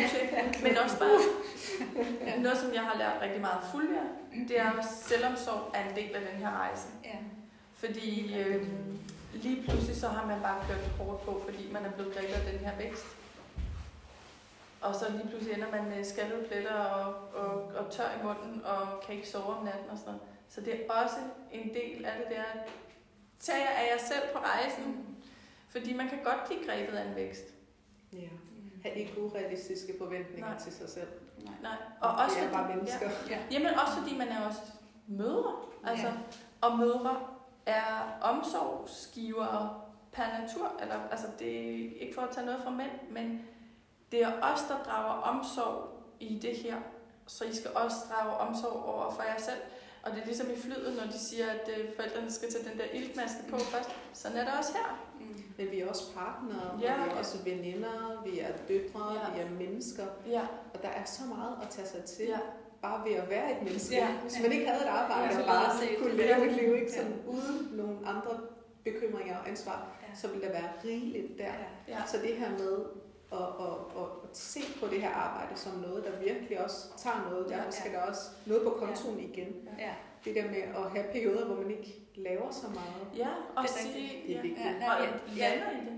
ja, og jeg, altså, og der vil jeg også lige krølle, sidste krølle, vigtigt at have ens partner med ja. i Ja. det. Altså, fordi øh, hvis han havde forestillet sig, at jeg gjorde det her, fordi jeg bare ville øh, være sammen med børnene hele tiden og have masser af Ja. fleksibilitet, det er en del af det. Men nogle gange skal jeg også arbejde, eller nogle gange, ofte skal jeg også arbejde. Ikke? Øhm, og der kan jeg mærke, at jeg i starten nogle gange følte, at jeg skulle forsvare lidt, når jeg arbejdede. Fordi at, øh, det var noget, jeg valgte mere til end da jeg gik på arbejde. Der gav det sig selv. Jeg skulle møde kl. 8 eller 9 eller et eller andet, ikke? Og, min mand går på et rigtigt arbejde. Ikke? Så det er sådan, som om det er mere lovligt arbejde. Ikke? Ja, et rigtigt Et arbejde. rigtigt Prøv at høre, jeg sidder og siger det. til dig selv. Altså, Et klassisk Erase et klassisk arbejde. Et klassisk arbejde for en Simpelthen også øhm, tage sit eget arbejde alvorligt. Jeg skal også opdrage min egen familie. Altså, Ja. min far er pensioneret og flyttet til København øh, sidste år, og han ringer stadig og spørger, åh, skal vi lige drikke en kop kaffe? Nej, jeg er på arbejde. Arbejde. det ville han ikke gøre, hvis jeg var i en, virksomhed. Mm, nej. Altså, sæt nogle grænser for Ja. den der arbejdsdag, så den også bliver til en Ja. hel arbejdsdag, for ellers skal tingene skride nemt for en, ikke? Ja, men, og, og prøv at lade være med at arbejde i... i- Prøv at lade være med at arbejde. Altså prøv at lade være med at arbejde. Prøv at holde fri. Prøv at Ja. slukke jeres telefon. Sluk Ja. for Instagram. Hold Det er en god ja, øvelse at gøre, Vil du ja. spørge? Nej, det er så spændende. Hedder det, øhm, ja, det er sådan lidt andet samme spørgsmål, tror jeg faktisk. Men sådan helt specifikt er sådan nogle ting, I gør i hverdagen for at passe på jer selv. Altså med pauser eller nogle specifikke tidspunkter, hvor I ikke er på Instagram eller sådan noget. Har I sådan nogle helt specifikke ting, I gør? Altså, ja, nu sparer jeg. Altså, øh, jeg har været rigtig dårlig til det, for jeg har arbejdet, jeg arbejder også med Asian, så det vil sige, at jeg arbejder også kl. 3 om morgenen og sådan noget hele tiden. Mm. Så nu er jeg blevet rigtig god til ikke at tjekke mails før klokken 8. Mm. Ikke at tjekke mails efter klokken 5. Altså, det er sådan nogle helt specifikke ting. Øh, tag bad. Vær alene. Lav noget, som ikke hele tiden kræver noget af dig. Altså, giv dig selv lov til at lave absolut lige præcis det, du har lyst til. Hvis det er at se Netflix af, se Netflix af. Hvis det er at altså, bare ind og bare sidde og kigge ud i luften, så gør det. Altså, det har jeg virkelig... I starten skulle jeg tvinge mig selv til at bare gøre det. Og så er jeg dårlig samvittighed, fordi selvfølgelig, nu skal jeg jo arbejde, fordi nu er der ikke nogen børn, nu er der ikke noget, nu skal jeg så arbejde. Så ja, jeg har helt specifikt, i dag der smurte jeg mine fødder ind i creme og brugte en tørrebørste. Altså det er sådan ting. Jamen det er bare sådan nogle små ting, som føles som forbudt, fordi at man skal jo hele tiden være i gang. Altså, Mm, ja. ja. Jamen, altså, jeg gør også helt konkret det, at jeg tillader mig selv at aflevere børnene og gå hjem bagefter, så jeg går mig ikke klar. Mm. Øh, det gjorde jeg jo altid, da jeg skulle på arbejde, så gjorde jeg mig klar, hæftede afsted på den der cykel, I ved, og direkte videre ind på arbejde. Så jeg tillader ligesom mig selv at gå hjem og gøre mig klar, og så går jeg i gang Ja, arbejdsdag. Det er fantastisk Ja. følelse. Ja, det er det virkelig, det der med at komme hjem, og så lige lande og lige drikke en kop kaffe, og det synes jeg Og, godt. faktisk, ja, og faktisk, så har jeg faktisk også gjort det, at øh, jeg har lukket mandag. Nå ja, det er også en god Det er. Og det er jo faktisk- det, man kan, Ja, det er når det, man selv er bestemmer, selvstændig. Og jeg bestemmer selv, det kan godt være inde i butikken faktisk, så har vi lukket mandag. Og det er også fordi dem, som jeg har ansat, er også bedre. Fordi det er sådan, en, når man har haft weekend med børn og sådan noget, øh, så alting er Ja. ligesom, så man har, at man har brug for, man har brug for ro for at være kreativ. Mm. Du har brug for at få samling på dine tanker, du har brug for at få samling på dig selv, og du har brug for at slappe af. Så helt specifikt, så er der bare, der var lukket mandag. Og det må folk bare acceptere. Ja. Og hvis jeg ikke har lyst til at svare på mail, så svarer jeg ikke på mails før om tirsdag. Nej, så er jeg, jeg er sådan er altid meget motiveret at udvikle mig og lære nyt og sådan noget. Så jeg har faktisk her det sidste halvår læst til en coachuddannelse, som jeg afslutter her i juni. Og øh, det har bare været altså, su- super dårligt økonomisk og tidsmæssigt for OnCloud 9. Men virkelig, virkelig godt for mig personligt. Så øh, Men det er også det der med, at de der pauser jo også, kan, giver jo også ja. noget, bare apropos for, for at spørge til dig, de her pauser giver os un, Ja. utrolig meget. Så det, så, så det arbejde kan du godt lave på to år. Altså det, som du havde forestillet dig, at du så skulle lave på to år. Det kan du godt. Du bare, fordi ellers så brænder du hurtigere ud, og så har, så har du ikke overskud, så kommer man til at snære af, af sine børn. Eller det, det er jo der, det kommer til at, at komme ud Ja. tit og ofte. Ikke? ja. Øh, Så, så det er jo en investering i sig selv på lang sigt. Man har jo, det her er jo ikke et, et, et trin på vejen, det er jo forhåbentlig, fordi I gerne vil være der. Og I vil gerne være selvstændige, så det er jo et fundament. Og for nogen, så tager det jo så tager det et år, så har man en kæmpe succes. Men hvad så bagefter? Mm. Hvad skal du så nå bagefter? Du må gerne være 10 år om at lægge et godt fundament, hvis du kan have dig selv med hen ad vejen. Ja. Det gør jo ikke noget. Altså, jeg helt personligt, så havde jeg en enorm vækst under corona. Og så, da jeg så lige pludselig ikke havde den der vækst, blev jeg sådan, gud, nå, så er det nok dårligt til mit arbejde. Men ja, der skal jo også ske noget næste år, og året efter, og året efter det igen, og man når det. Nå. Ja. Har jeg selv med på den her rejse, fordi virksomheden er jer. Ja. I har ikke nogen HR-afdeling. I har ikke nogen vikar. I har ikke nogen barselsvikar. I har ikke nogen... ikke nogen overenskomst. Ingenting. Det er en forlængelse af os, ikke? Ja, det er, det er en jeg selv. forlængelse, og, øh, og vi er så meget med til at forme den hele tiden ved at tage de beslutninger, vi tager. Lige På godt og ondt. På godt og ondt. Og øh, jeg tænkte også på det her med efteruddannelse. Ja, at ja, det er ja. faktisk den sværeste Ja. øh, samtale, man kan have som, Ja. som chef på den ene side, og medarbejder, men, hvor man har begge roller ikke, hele Ja. tiden. At, hvordan skal man give sig selv lov til at tage på, på efteruddannelse? Hvordan skal man sige, at det er okay, og det er vi villige til at betale som firma? Mm. Det er en af de sværeste samtaler. Jeg har også lige taget den for et par måneder, eller en måned siden, siden hvor jeg øh, vidste, at jeg havde brug for at få hjælp og udvikle mig på et punkt i forhold til salg. Altså, jeg er bare, det er bare ikke mig. Øh, jeg blev nødt til at lære nogle lidt mere øh, konkrete ting. Øh, og hvis jeg var ansat et sted, så havde jeg bedt om at få det her øh, efteruddannelsesforløb. Mm. Og så havde min chef sagt, selvfølgelig, Mm. det har du ret til, og det skal du selvfølgelig, og du holder selvfølgelig fri, mens du gør det. Men øh, det, den samtale skal jeg tage med mig selv nu, Ja. og det var ikke særlig nemt Nej. at tage den, fordi at jeg har for mange kasketter på Ja. på én gang. Ja. Og jeg kan sagtens se fordele og ulemper ved at bruge pengene og ikke at bruge pengene. Men der kommer bare et punkt, hvor man bliver nødt til at, øh, at, at være ekstra modig, og så Ja. uden at vide, hvor meget man får ud af det. Mm. Man bliver bare nødt til at honorere sig selv, Ja. og, og, og ligesom at anerkende sig selv for alt det arbejde, man allerede har gjort, fordi man Ja. vil gerne gøre det endnu Endnu bedre. bedre. Men også hvert fald have mere frihed, Mm. og ikke at skulle øh, sådan jonglere eller kæmpe for meget med ens dårlige, øh, eller de sider, man de ikke er sidder så man ikke god er så til. god til. Ja. Jeg bliver nødt til at tage det alvorligt. Der er noget, man ikke er god til. Mm. Der er ingen af os, der er gode til alt. Mm. Øh, så det der med, når man først har taget den beslutning, så er det jo fantastisk. Mm. Uanset hvor dyrt det er, og hvor meget man skal afdrage på det, men så det, det er bare en fantastisk følelse bagefter. Men man, Det er også en form for selvomsorg. Men man kan jo også, man kan jo også sammenligne det med, hvis man var en produktionsvirksomhed, og du investerer i en ny maskine, der kan lave knapper. Mm. Altså, der er nogle gange behov for en udvikling på det, man allerede... Altså, det, Ja. det er ens svage punkt eller sådan et eller andet. Og det er jo en investering. Det er jo en langsigtet investering. Og det skal man jo også gøre så klart, hvis man vil være selvstændig, så er du, du er virksomhed, så du skal investere i virksomheden. Og nogle gange er det penge, nogle gange er det selv- selvomsorg, nogle gange er det pauser. Ja. Altså, og det er ekstremt vigtigt, og også hvilken, hvad, hvilken type er du? Altså, hvad er du? Ha' de her samtaler med dig selv. Hvad er du for en type? Mm. Som fuldvis siger, hun salg er ikke øh, noget, som, som... Ja, det har vi snakket meget om. Det har vi snakket meget om, ikke? Altså, Det er men også... Det er mega Ja, det det, mega det, kan huske, jeg kan så tydeligt huske, du fortalte, når vi snakker om salg, hvor du sagde, at salg er også hårdt og udmattende. Ja. Det er ikke nemt for nogen. Man kan godt være dygtig til det, men det er stadigvæk enormt udmattende og opslidende. Mm. Så det der med at have nogle teorier og nogle værktøjer og en erfaren person til at hjælpe en med ligesom at komme videre og udvikle den side af sig selv, det bliver man bare nødt til, hvis man gerne vil nå dertil, hvor det ikke fylder så meget. Øh, Ja. Og det kan være andre ting, man har brug for hjælp til. Ikke? Det kan også være... Men- Ja, du har hjulpet mig med at komme ud over rampen på Instagram. Jeg skulle lige til at sige Instagram, men jeg vidste ikke, at det var noget, jeg tænkte på. Ja, er det er jo sådan en, Ja, ligesom, ligesom har jeg har... været. Ligesom, Nu kommer du simpelthen op i gear. Flere posts, flere stories, flere... Lige linjer. Ja, lige linjer. Ja. ja. ja, jeg synes, jeg havde billeder, der sad for skævt. Fik jeg lige et opkald. ja. Jeg ved godt, når man sådan er lidt meget mega perfektionistisk, og bare har arbejdet så lang tid på at få det rigtige lysindfald og alt muligt på det her. Og så det endelig, uploadet. Så havde jeg myg i røret. Jeg synes altså ikke, at der var vandret linjen. Jeg spurgte dig, om jeg ikke skulle gøre det for dig. Ja. men, men helt ærligt, vi griner alle, men det er jo Ja. mega, mega fedt, at, Det er at fedt. For du har, har dejligt. fået mig ud over rampen på det punkt. Ja, men det er jo også vigtigt ligesom at have sådan nogle... Jeg, Det er jamen, det er vigtigt. Jamen, eksempelvis, vi talte om, at det, det der med at være modig, det er faktisk også nogle gange modigt at spørge om hjælp og sige, jeg kan rent faktisk ikke finde ud af det her. Og det kan godt være, at man laver nogle ting.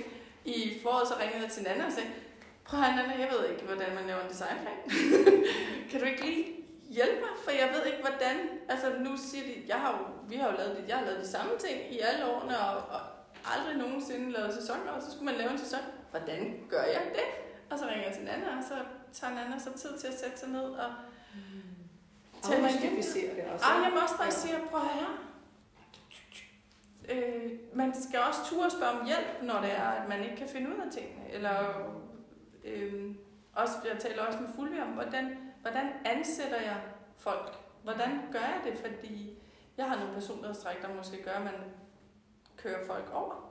hvordan, hvordan gør man det her til en behagelig proces for andre at være en del af, af de her ting? Altså, det, bruge det netværk, man har. Og, Og det er altid rart at være den, der bliver spurgt om Ja, hjælp det er til. Altså, det er ja. enormt rart at Ja. have en, der rækker ud og siger, det kunne du ikke tænke dig at hjælpe mig med det? Altså, hvis man har et nogenlunde sådan bånd til hinanden, Ja. venskab. Det er ligesom at få at blive anerkendt som en god ven. Ja. øh, så det er rart, øh, og man får virkelig meget ud af det. ja, men også, ej, hvad hedder det nu, nu er I jo på det her forløb sammen. Så, man, så det er også bare, skab nogle netværker Ja. med nogen. Det er helt oplagt. Det er så oplagt. Ja. Lav nogle netværk, hvor I kan trække på hinanden. Også nogle gange, så tænker man, gud, den her person er jeg. Vi har absolut ingen personlighedstræk til fælles. Men man har, jo, man har jo altid noget. Og det er ligesom at få nye morvenner, når man starter i vuggestuen, fordi så er man på, et, på, et, på det samme niveau med de her møder. Det er det samme for jer. Altså, I er det samme sted. I kommer på den samme rejse. Det kan godt være, at det ikke bliver på den samme vækstkurve. Men det gør heller ikke noget. Altså, skab nogle netværker, Ja, altså, der støtter. der støtter en. Altså, Ja. Og det er meget forskelligt. Altså, det, det, er jo, det er jo venskaber, som stikker ret dybt. Og, øhm, Ja, og så det her med at have den her åbenhed over for Ja. feedback, ikke? ja. Altså, Og ikke være bange. Ja, ikke være bange Ikke for... være bange for det, når Nej. folk siger ting, når tingene ikke... Altså, Det, det gør kun ondt lige de første par timer. Ja. Så, og så, ja. Jamen, det gør det. Ja. Det gør det altid sådan lidt ondt at få et eller andet at vide, ikke? Ja. Sådan, har det, altså, sådan har jeg det i hvert fald, men jeg er mega glad for det, ja. uanset hvad. Ja. Og bagefter så har man glemt smerten, og så er man bare mega glad for at Ja. have fået øje på et eller andet, Ja, der ikke var godt. det synes Ja. jeg også. Øh, det er da de bedste. Det Vi talte faktisk også om det der med at være ærlig. Ja, Og ja, Ja. du... ja jamen, altså, det er jo... øh, Nu har jeg jo som sagt lige taget den her coachuddannelse, så i den proces har jeg jo fået øje på nogle af de forhindringer, der også har stået i vejen for, at, øh, at nogle ting, jeg umiddelbart godt har kunne se, jeg skulle gøre, har jeg ikke har jeg simpelthen ikke kunne gøre. Altså, øh, og blandt andet det her med, at jeg har nogle stærke personlighedstræk omkring at være ærlig, pligtopfyldende, jeg vil gerne holde, hvad jeg lover. Det er faktisk ikke ret hensigtsmæssigt, når man skal sælge. Nej. Altså, det er jo nogle gode ting, kan vi godt blive enige om. Men når man skal sælge, så skal man nogle gange lige ture love lidt mere, end man er sikker på, at man kan holde. Eller hvis man skal snakke med en potentiel samarbejdspartner, og de spørger, hvordan går det, og man synes faktisk bare, det har været en lorte måned, man har ikke øh, omsat for lige så meget, man, som man havde ønsket. Det må I ikke Det behøver man ikke at sige. Det- Man behøver ikke at skralde alle lagene af, man kan bare sige, at det går skide godt. Ja. ja. Men også, Så hvad er det for nogle historier, man fortæller? Ikke? ja, også bare fordi, der er også vigtigt. sig selv. Ja, pas på sig selv. Ja. Fordi, ligesom vi startede med at sige, I skylder ikke nogen noget. I Nej. skylder dem ikke jeres personlige historik inden for det her. Det er sådan lidt, også bare, der er også nogen, der står klar til at udnytte det. Altså, det skal man også være klar over. Altså, hvis man er ærlig over for en producent, der siger, jeg har så og så mange penge, don't tell Ja. them. Altså, Nej. det kommer ikke nogen ved. Altså, det er jeres eget helt alene. Og det, apropos det der, for jeg, jeg gik nemlig også ind i virksomheden og tænkte, jeg vil gerne have, at man er fuldstændig ærlig over for sine producenter, fortæller, hvor meget har jeg råd til det her koster, hvor meget, bla, bla. Ja. Det har de jo bare udnyttet og Ja. tænkt, så Det er der piller vi ikke lige altså, på der. man, selv- det er, der er man nødt til at bruge sin sunde fornuft og Ja. sunde situationsfornemmelse. Ikke? Ja, Øh, have jer selv Ja. i jeres egne interesser. Det er også en del af den der stejle Ja. selvudviklingskurve, man er på, ikke? At man får bare et andet forhold til det at sige alt. Ja, At præcis. man ikke behøver at udlevere sig selv og gøre det helt svære for en Ja. selv. Nej, Fordi man føler, at man skylder Man at sige det helt ja. til en producent. Ja. Altså, så Netop, netop. man bliver bare nødt til at få et andet forhold til de ord. Og Ja, de, og man må gerne Ja. nogle gange få det til at lyde bedre, end det er. Ja. Eller større, lige holde det lidt tilbage nogle Ja. gange. Jeg tænker også på det her med, at øh, og, øh, og, ja, og lige præcis det med at fortælle, hvordan det går, at nogle gange så kan man godt føle, at det skal man på Instagram. Altså Ja. ja. fortælle alt muligt om Ja. alle ens op- og nedture og Ja. overvejelser og bekymringer. At Ja. det, det kan godt være, at det virker sådan på Instagram, fordi det er sådan mange andre gør, Mm. men man behøver ikke at være ligesom alle andre. Nej. Man kan godt passe lidt bedre på sig Ja. selv og holde det Ja, finde privat. en stil, der Ja. passer Ja. en, ikke? Det er Men, vigtigt. ja. Ja. Også bare, hvor meget I lader andre komme ind under huden på jer, fordi det kan også blive enormt invasivt. Når man er både kundeservice og salgsafdeling og produktionsafdeling, så kan det godt være enormt meget. Altså på et tidspunkt måtte jeg simpelthen lade være med at, at så måtte jeg skifte telefonnummer, fordi du ved, det var mit telefonnummer, så kunne folk finde på at skrive om aftenen, hey, jeg har ikke modtaget min pakke, hvor min pakke henne?" Og det er sådan, okay, du må altså også skrive. Og så dagen efter var de sure over, at man ikke havde svaret på den sms. Men altså, prøv at jeg er ikke på arbejde. Altså, jeg svarer ikke på det her efter klokken 5, så svarer jeg igen i morgen, ikke? Eller når vi har åbent. Men man må ikke lade sig påvirke af de her Mm. ting hele tiden. Den der adgang må man også godt Ja. Være. Altså, den lukke, må godt lukke den her og sige, prøv lige at, altså, altså, I, I behøver ikke at sige til folk, prøv lige at respektere jer. Du må bare svare pænt og stille og roligt, når du er på arbejde igen. Der er helt Og klart noget grænser. med det der med, at altså, vi har, vi har øh, kanaler, hvor vi kan komme Ja. i kontakt med hinanden Ja. på, øh, på Instagram og Ja. sms. Og, og så tror jeg også det her med at sidde bag en skærm og skrive en sur mail, det er lidt nemmere, end hvis man ser folk i øjnene. Mm. Jeg tror faktisk, at kunder er blevet mere krævende på en eller anden måde. Ja.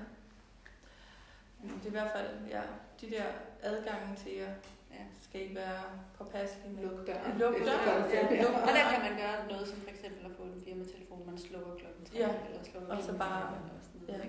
Men det er enormt fristende, vil jeg sige. Jeg har svært ved det på Instagram. også. Jeg har Ja. svært ved ikke at svare på en besked Ja. efter klokken et eller andet, fordi at jeg bliver enormt følelsesmæssigt påvirket af, at jeg gerne vil svare. At Ja. jeg bare sådan, jamen, jeg har, lyst, jeg har, jeg har da lige tid nu, fordi jeg sidder lige og slapper af, så kan jeg da godt svare. Mm.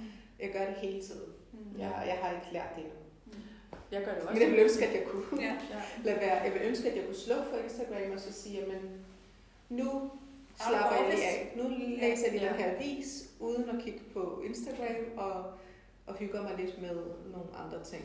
Ja, men så skal man også gøre sig klar, hvad er det, du bruger Instagram til på det tidspunkt? Er det til at være kundeservice, eller er det fordi, at det opfylder dig kreativt? Ja, og det er det, fordi det blander sig enormt meget, når man netop er soloselvstændig, Ja. ja. fordi så er Instagram både en distraktion, underholdning, venner, forretning, kundeservice, inspiration, alt muligt. Ja. Ja. Netværk, øh, muligheder, der lige pludselig opstår Ja. nogle gange, som folk, der spørger dig om et eller andet, der Ja. er rigtig godt for dig at blive spurgt Ja. om. Ja. Øh, og så, øh, og så, så har man den der følelse af, jamen, det skal selvfølgelig passe, det Ja. der, altså den blandede butik, Ja. det er. Selvfølgelig, men det er jo også det der, Nana siger med at være pligtopfyldende, men det er også, og det bliver, bliver du nødt til at parre med noget selvomsorg og Ja. sige, gør den der, den her, den pligtopfyldenhed, den skal også, den skal, du skal også være pligtopfyldende over for Ja. dig selv, Ja. og ligesom have, fordi hvis du gik hjem fra dit arbejde, så vil du heller ikke tjekke din arbejdsmail, eller der er jo regler for det rundt omkring i verden, at din arbejdsmail må du ikke tjekke efter klokken 4. Og det er bare virkelig vigtigt, at man passer på sig selv i den her, og også det der med at være ærlig. Det er jo ikke uærligt at sige, at det går godt. Det går da godt for dig. Du Ja. behøver bare ikke at fortælle alt. Man behøver ikke at Omkring og fortælle om alle Alle dage. fortæller, i der er forskel på dig. I forgårs havde en hård dag. Ja. Men det skal, og det, apropos det, der skal I altså også bare lige huske, i dag kan være en pissefed dag. Om to dage kan være afskyelig.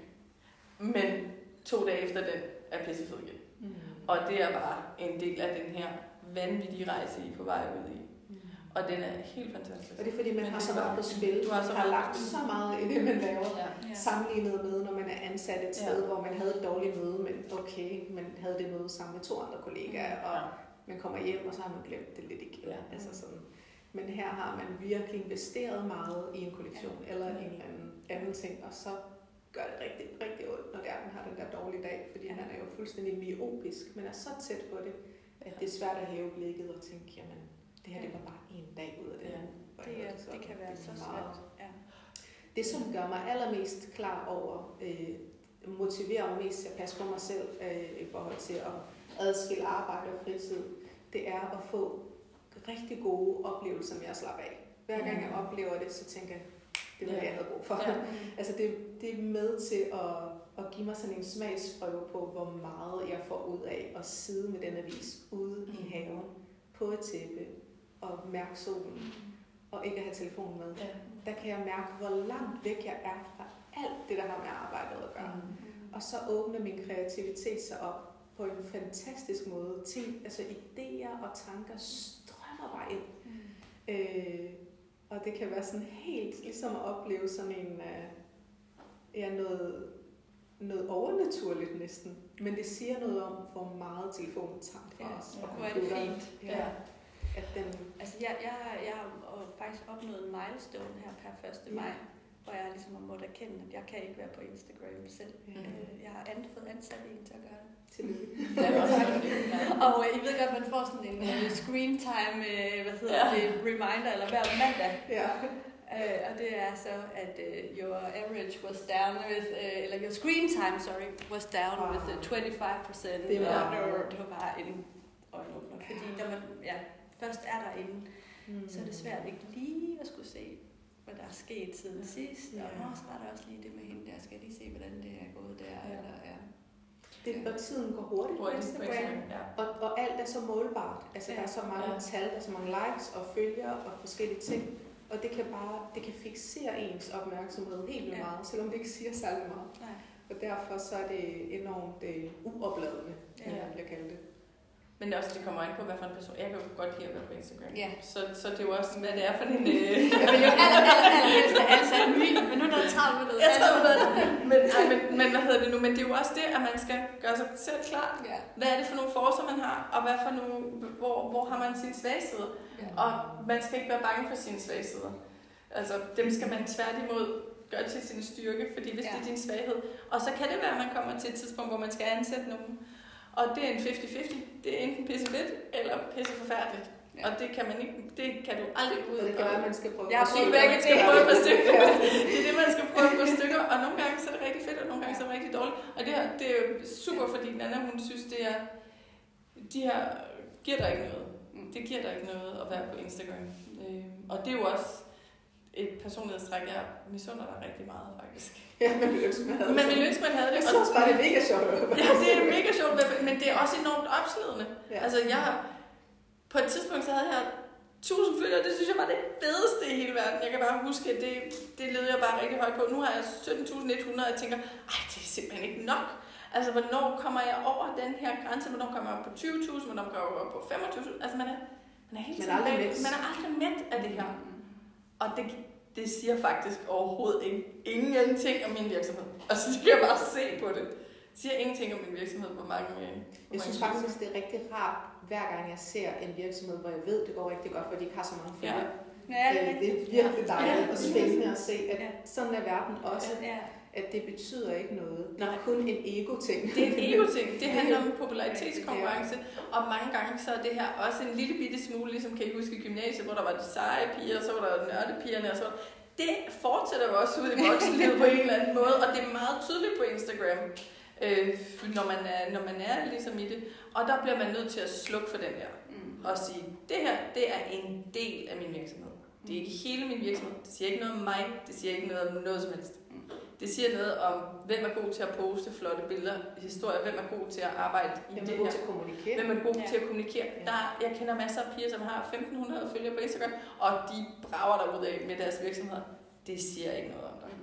Og alle, bare for at komme tilbage, alle har deres helt egen rejse i det her. Ja. Og eksistens. Og eksistensgrundlag. Og det er ikke nødvendigvis der, at man samler kunderne.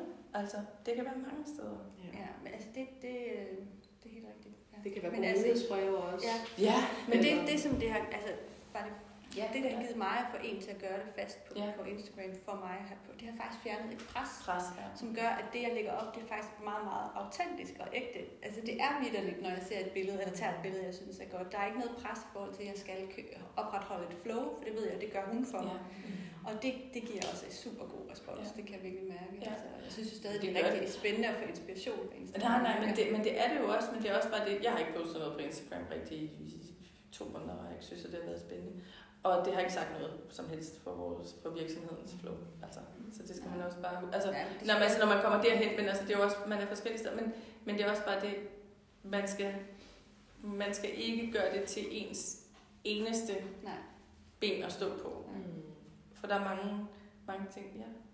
Hvordan gjorde det, apropos med, øhm, altså, med at bruge Instagram som sådan marketings øh, sige det. Ja. Men hvad har I ellers øh, altså, gjort for at udbrede øh, OneCloud og, øh, og KDU? Altså, jeg har jo været i... Jeg tager jo ud og møder... Øh, jeg tager jo til Paris eksempelvis her. Jeg var i Paris i... øh, Hvad hedder det? Januar, og jeg skal til Paris her igen i juli, hvor der er børnetøjsmesse midt i børnenes sommerferie. Men, øh, og så har jeg et kommunikationsbureau, som sidder i øh, Barcelona, faktisk. Fordi så har jeg faktisk også lagt en del af det ud, fordi der er også en stor kamp om at komme i blade og, og alt sådan noget. Så øh, Instagram er jo god til at holde en masse professionel kommunikation i gang med, med folk, som ikke nødvendigvis har dit nummer, eller du har ikke deres nummer. Det, det synes jeg er, er en rigtig god måde at bruge Instagram på. Øh, og altså et professionelt netværk, du kan nå ud i. Øh, så det, på den måde har jeg brugt det i min øh, marketingstrategi. Men fysisk synes jeg, det er meget fedt at møde folk ude i verden. altså, fordi mit brand er ikke særlig altså, spraglet, og jeg har ikke 45 kampagner, og jeg, fordi det koster også penge. Så der er, altså, der er Instagram jo god til at nå ud til det professionelle netværk stadig, øh, men det foregår meget bagom Ja. om Instagram. Så Instagram er bare... Det er også fordi, nu springer jeg helt i det, men når man arbejder som Nana og jeg gør, så arbejder vi jo... Jeg, det jeg arbejder på nu, jeg er jo lige blevet færdig med at lave det tøj, som skal sælges til næste sommer. Det går ud og bliver solgt nu, og vi leverer faktisk den autumn winter nu, som jeg solgte i januar, mens jeg arbejdede på den spring sommer, som skal komme nu. Så det jeg arbejder på nu er så autumn winter næste år. Altså, så man kan heller ikke dele alting. Nej, Så det er en helt anden ja, det er rigtigt. det er en helt anden strategi, så du kan ikke, man kan ikke, jeg kan ikke dele det, som jeg laver nu. jo.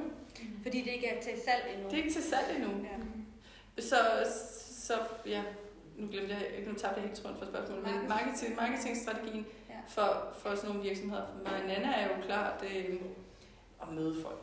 Altså at møde vores kunder er også vigtigt ude på messer. I virkeligheden. Og det, havde, det har jeg gjort. Det har jeg gjort, og det gør jeg ikke mere. Men jeg hader det. Ej, det må virkelig også være hårdt. Jeg Det elsker er det. simpelthen de hårdeste, de hårdeste det er fire dage, det var da jeg stod dernede i Paris. Ja. Jeg har også været i Hamburg. Og, nej, det er så. Så fik jeg en agent til at gøre det. Ja. Det gik heller ikke rigtig så godt. Men så Instagram er faktisk Instagram, min ja. primære. Øh, det er min primære. Men du er også ude i butikker, altså Ja. ja. de fysiske butikker, som vi arbejder med, er jo også en stor del af vores marketingstrategi, Ja. ja. fordi der håndplukker man jo også de virksomheder, man ligesom arbejder med, de skal jo også repræsentere det. Altså det gør I jo også ud, når I begynder at arbejde sammen med folk, så siger det jo også noget om jer. Og Så det er også det netværk, I benytter af, er også en del af jeres Det markedsføringsstrategi. er indirekte co-branding. Det er indirekte co-branding, og det skal man ikke underkende. Nej. Og så kan man bruge influencer. Det er også en rigtig god idé. I, hvis du har gjort dig helt klart, ved at I har jo talt om, om øh, I har talt om mark- øh, influencer marketing, men som virksomhed, så skal du også gøre dig klar, hvad det er, du går ind til. Det er lidt, jeg, jeg oplever, at det kan give super meget Ja. at bruge influencers. Men det er lidt at skyde med spredehavn, Ja. og så er der noget, der giver, og noget giver slet ikke. Ja, Og det skal bare være indstillet og på. du skal også være indstillet, ja, øh. og være indstillet på, at de har jo ikke nødvendigvis helt den samme kreative art direction på, som du har. og de har helt klart heller ikke den co-branding, du måske helt vildt ønske, du havde. Altså, der er mange ting ved det. Jeg tror, det vigtige med influencers, det er at prøve at spotte, om de har en målgruppe, der matcher din Ja. målgruppe. Og deres engagement. Ja, og ja. deres engagement, Ja. præcis. Altså, hvor mange likes og hvor mange kommentarer får de, det viser, det er tit en indikator på, hvor engageret er deres følgere i Ja. dem, øhm, synes jeg. Ja, meget. Øhm, Ja, Jeg tænker altid sådan på influencer sådan med, øh, hvem kan jeg godt lide? Så hvem vil jeg gerne Ja. ja. sådan, sidde og snakke med? Og så øh, i forhold til sådan, har de nogenlunde samme smag og værdier, som jeg har? Øh, og, og så den her sådan tillid nærmest, følelse jeg også, føler jeg, at de er tillidsvægtende Mm. over for deres publikum. Mm. Fordi så kan det godt være, at de ikke har så meget interaktion og ikke så mange likes og kommentarer, men der er enormt meget tillid mellem dem og de mennesker, der Ja. følger dem. Øh, Ja. det giver virkelig godt, synes jeg, gode samarbejder og Altså, spændende. jeg er altid sådan, for så bliver jeg, hvis jeg har gået ind i det på den måde, så bliver jeg tit skuffet. Jamen, det gør jeg, fordi jeg finder ud af, det har de måske ikke. Altså, de har måske ikke de, de helt samme værdier som en selv, så det skal man, der har jeg sådan lidt mere disengagement, hvor det bare sådan lidt, okay, hvis jeg gør det, så må jeg lukke øjnene for, for en masse ting. Jeg må lukke øjnene for, og især fordi børnetøj er det måske også en ret skrab konkurrence, så må man bare lukke øjnene for, at de går også med andet tøj end ens eget. Altså, så det kan man godt, man kan godt komme til at tage en person. Og det er også helt naturligt, ikke? at du gør det, fordi at det, er også bare, det afspejler også den almindelige forbruger. Ja, Men det kunne bare være det gør det. det var det gør det kun i det. Ja. Men, men ellers så har jeg også brugt uh, Google Ads. Jeg har haft en fyr, der har hjulpet mig med at sætte det op uh, i forhold til at søge ord Ja. og ja, komme høj, højere op i Google, end jeg var før. Og også sådan nogle, øh, hvad hedder sådan noget, ja, det er jo annoncer i virkeligheden. Ja. Ja. Hvis nogen har været inde og søge på en pyjama, så bagefter går ind og kigger på ben til, Ja. at den så kommer op. Men det skal man også helt klart, det skal I have nogen til at sætte op for Ja. jer. Det er ikke noget, man kan gøre selv. Nej. Altså, det, eller medmindre, det skal man vide noget om. Det er ikke bare Nej. at sætte det op. Nej. Det er virkelig, og det kan man, der er noget, der hedder Shophelten. De kan gøre det, de, der køber du klippekort for 10 minutter ad gangen. Øh, det er også meget fedt, at det ikke er sådan en time ad gangen. Altså, Shophelten. Shophelten, Okay. de laver simpelthen ind i, så, kan så køber man sådan nogle klippekort, og de er hurtige. Og, men det er helt klart noget, man, noget man de også betaler sig fra, Mm. for der kan man gøre mange fejl. Mm.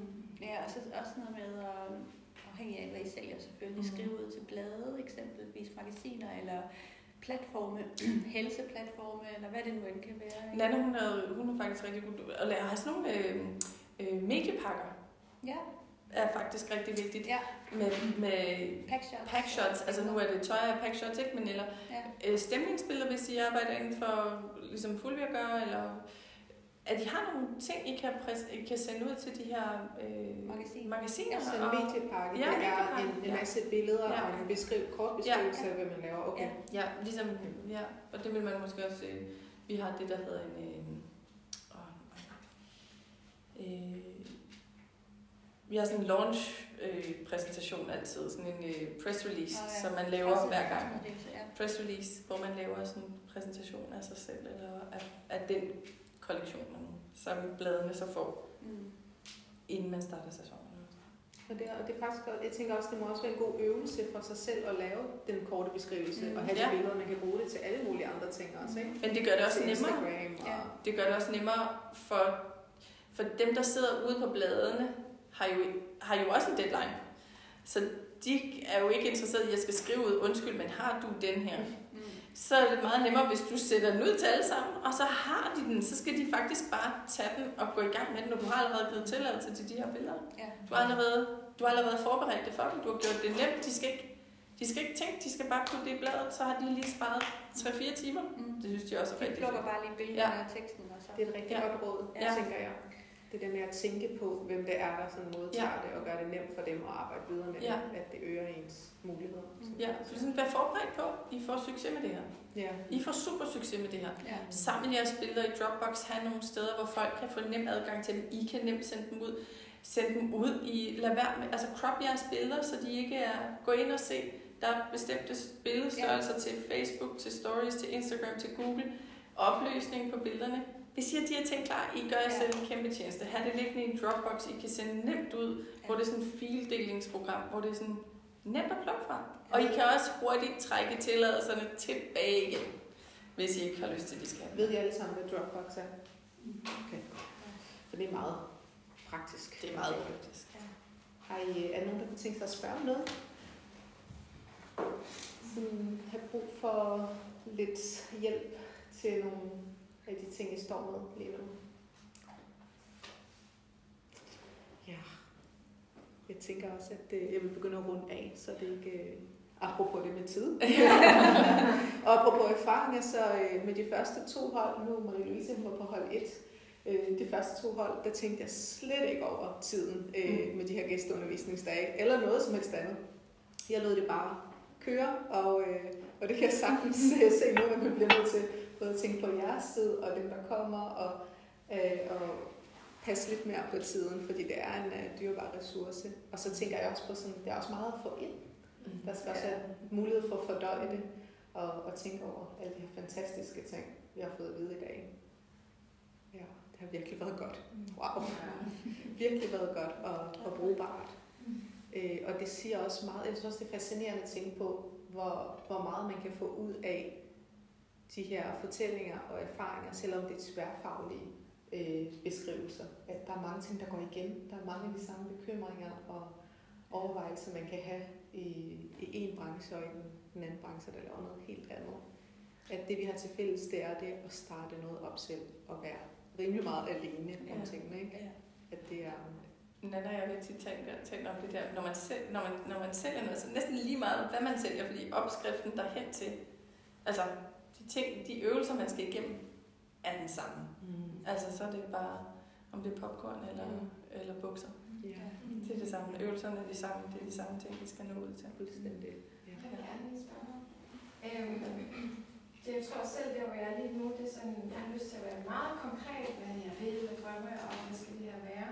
Og samtidig synes jeg, det er super svært at blive altså sådan, fordi det er også bare opstart og en masse idéer, og sådan, så hvor, hvordan var I i starten med det? Var I sådan meget, det det her, jeg skal, eller hvordan havde I plads til ligesom også at lade det vokse, samtidig med, at det er jo også lettere at kommunikere, og lave billeder, beskrive, hvad jeg laver, når man også sådan er snævret lidt ind omkring, hvad er det egentlig, jeg laver, Ja.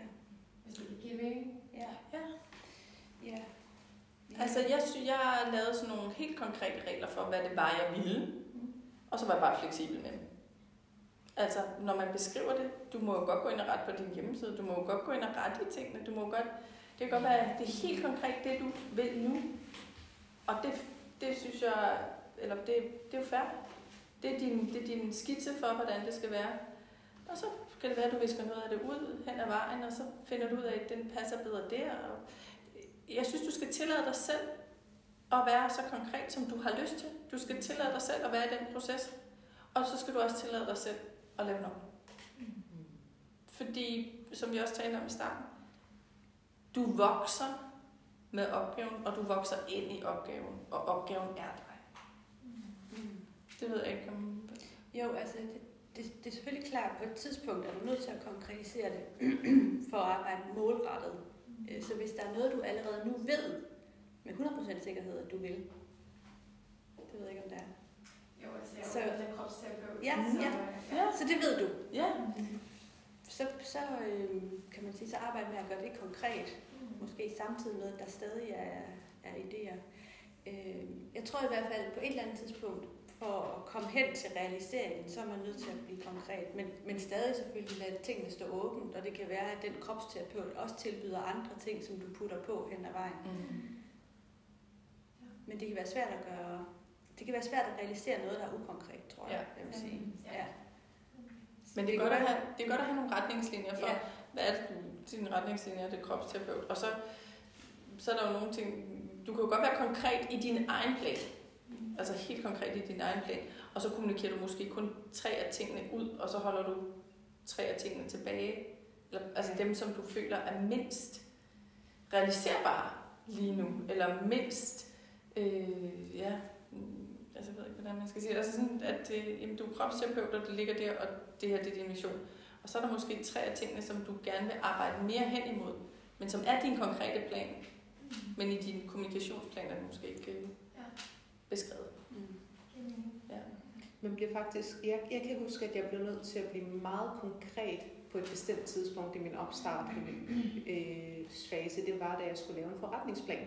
Fordi først så tænkte jeg, at det var øh, rigeligt med alt det, jeg nu havde beskrevet for mig selv øh, i de måneder, jeg eller næsten, jeg tror det var et halvt år, hvor jeg virkelig dykkede ned i beskrivelsen af, hvad det var, men for min egen skyld. Mm. Øh, og hvad jeg drømte om, hvad det skulle ja. blive til, og hvad det skulle tage udgangspunkt i. Men så skulle jeg åbne noget så banalt som en erhvervskonto i Nordea, Mm. og så sagde de, at det er standardprocedure, at vi så skal skal have en forretningsplan. Mm. Og så tænkte jeg, okay, øh, så jeg skal beskrive det igen, men bare med nogle andre øh, Ja. parametre. Ja. Og så blev det meget firkantet og meget specifikt. Øh, og det hjalp mig også til at ligesom at gøre mit koncept meget firkantet for bankens skyld, men samtidig var det også med til, at jeg kunne gøre det firkantet en gang imellem på Instagram Ja. i starten. Ja. Ja. Imellem også alt det andet bløde, Ja, så skulle det ligesom, så folk også, nå okay, det er det, Ja. men det kunne også være noget andet. Ja.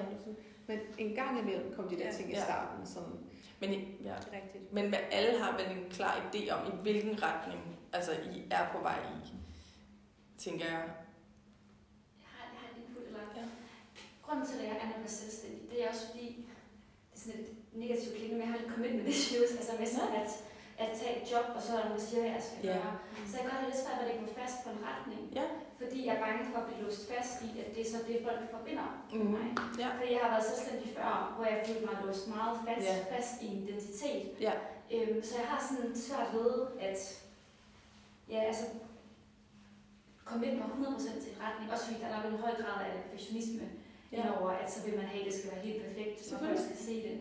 Øhm, ja, hvordan, altså, ja, jeg ved ikke, om det er et svært spørgsmål. Ja, nej, jeg forstår fuldstændig, hvad du siger, for jeg har det på, præcis på samme Ja. måde som dig. Fordi jeg var også sådan helt, jamen, jeg er nemlig også sådan en, jeg har også commitment issues. Altså, jeg startede ikke en virksomhed. Det var bare rent tilfælde, at det blev børnetøj. Nu er det bare børnetøj, nu er jeg blevet, blevet i det. Men øhm, det, som jeg har lært hen ad vejen, det er, at man må godt lave det om. mm. Og det vil jeg bare sige til dig, det er fint nok, du må gerne starte med én ting. Jeg startede med Instagram-delen først faktisk, og byggede det visuelle univers, som jeg gerne ville være i. Øhm, Altså, inden produkterne kommer? inden produkterne kom, Okay, ja. for ligesom at, også at starte en tribe af nogen, der visuelt var tiltrukket af de her ting, som jeg også var tiltrukket af. Og du behøver jo ikke hele tiden at fortælle folk, hvad det er, du er.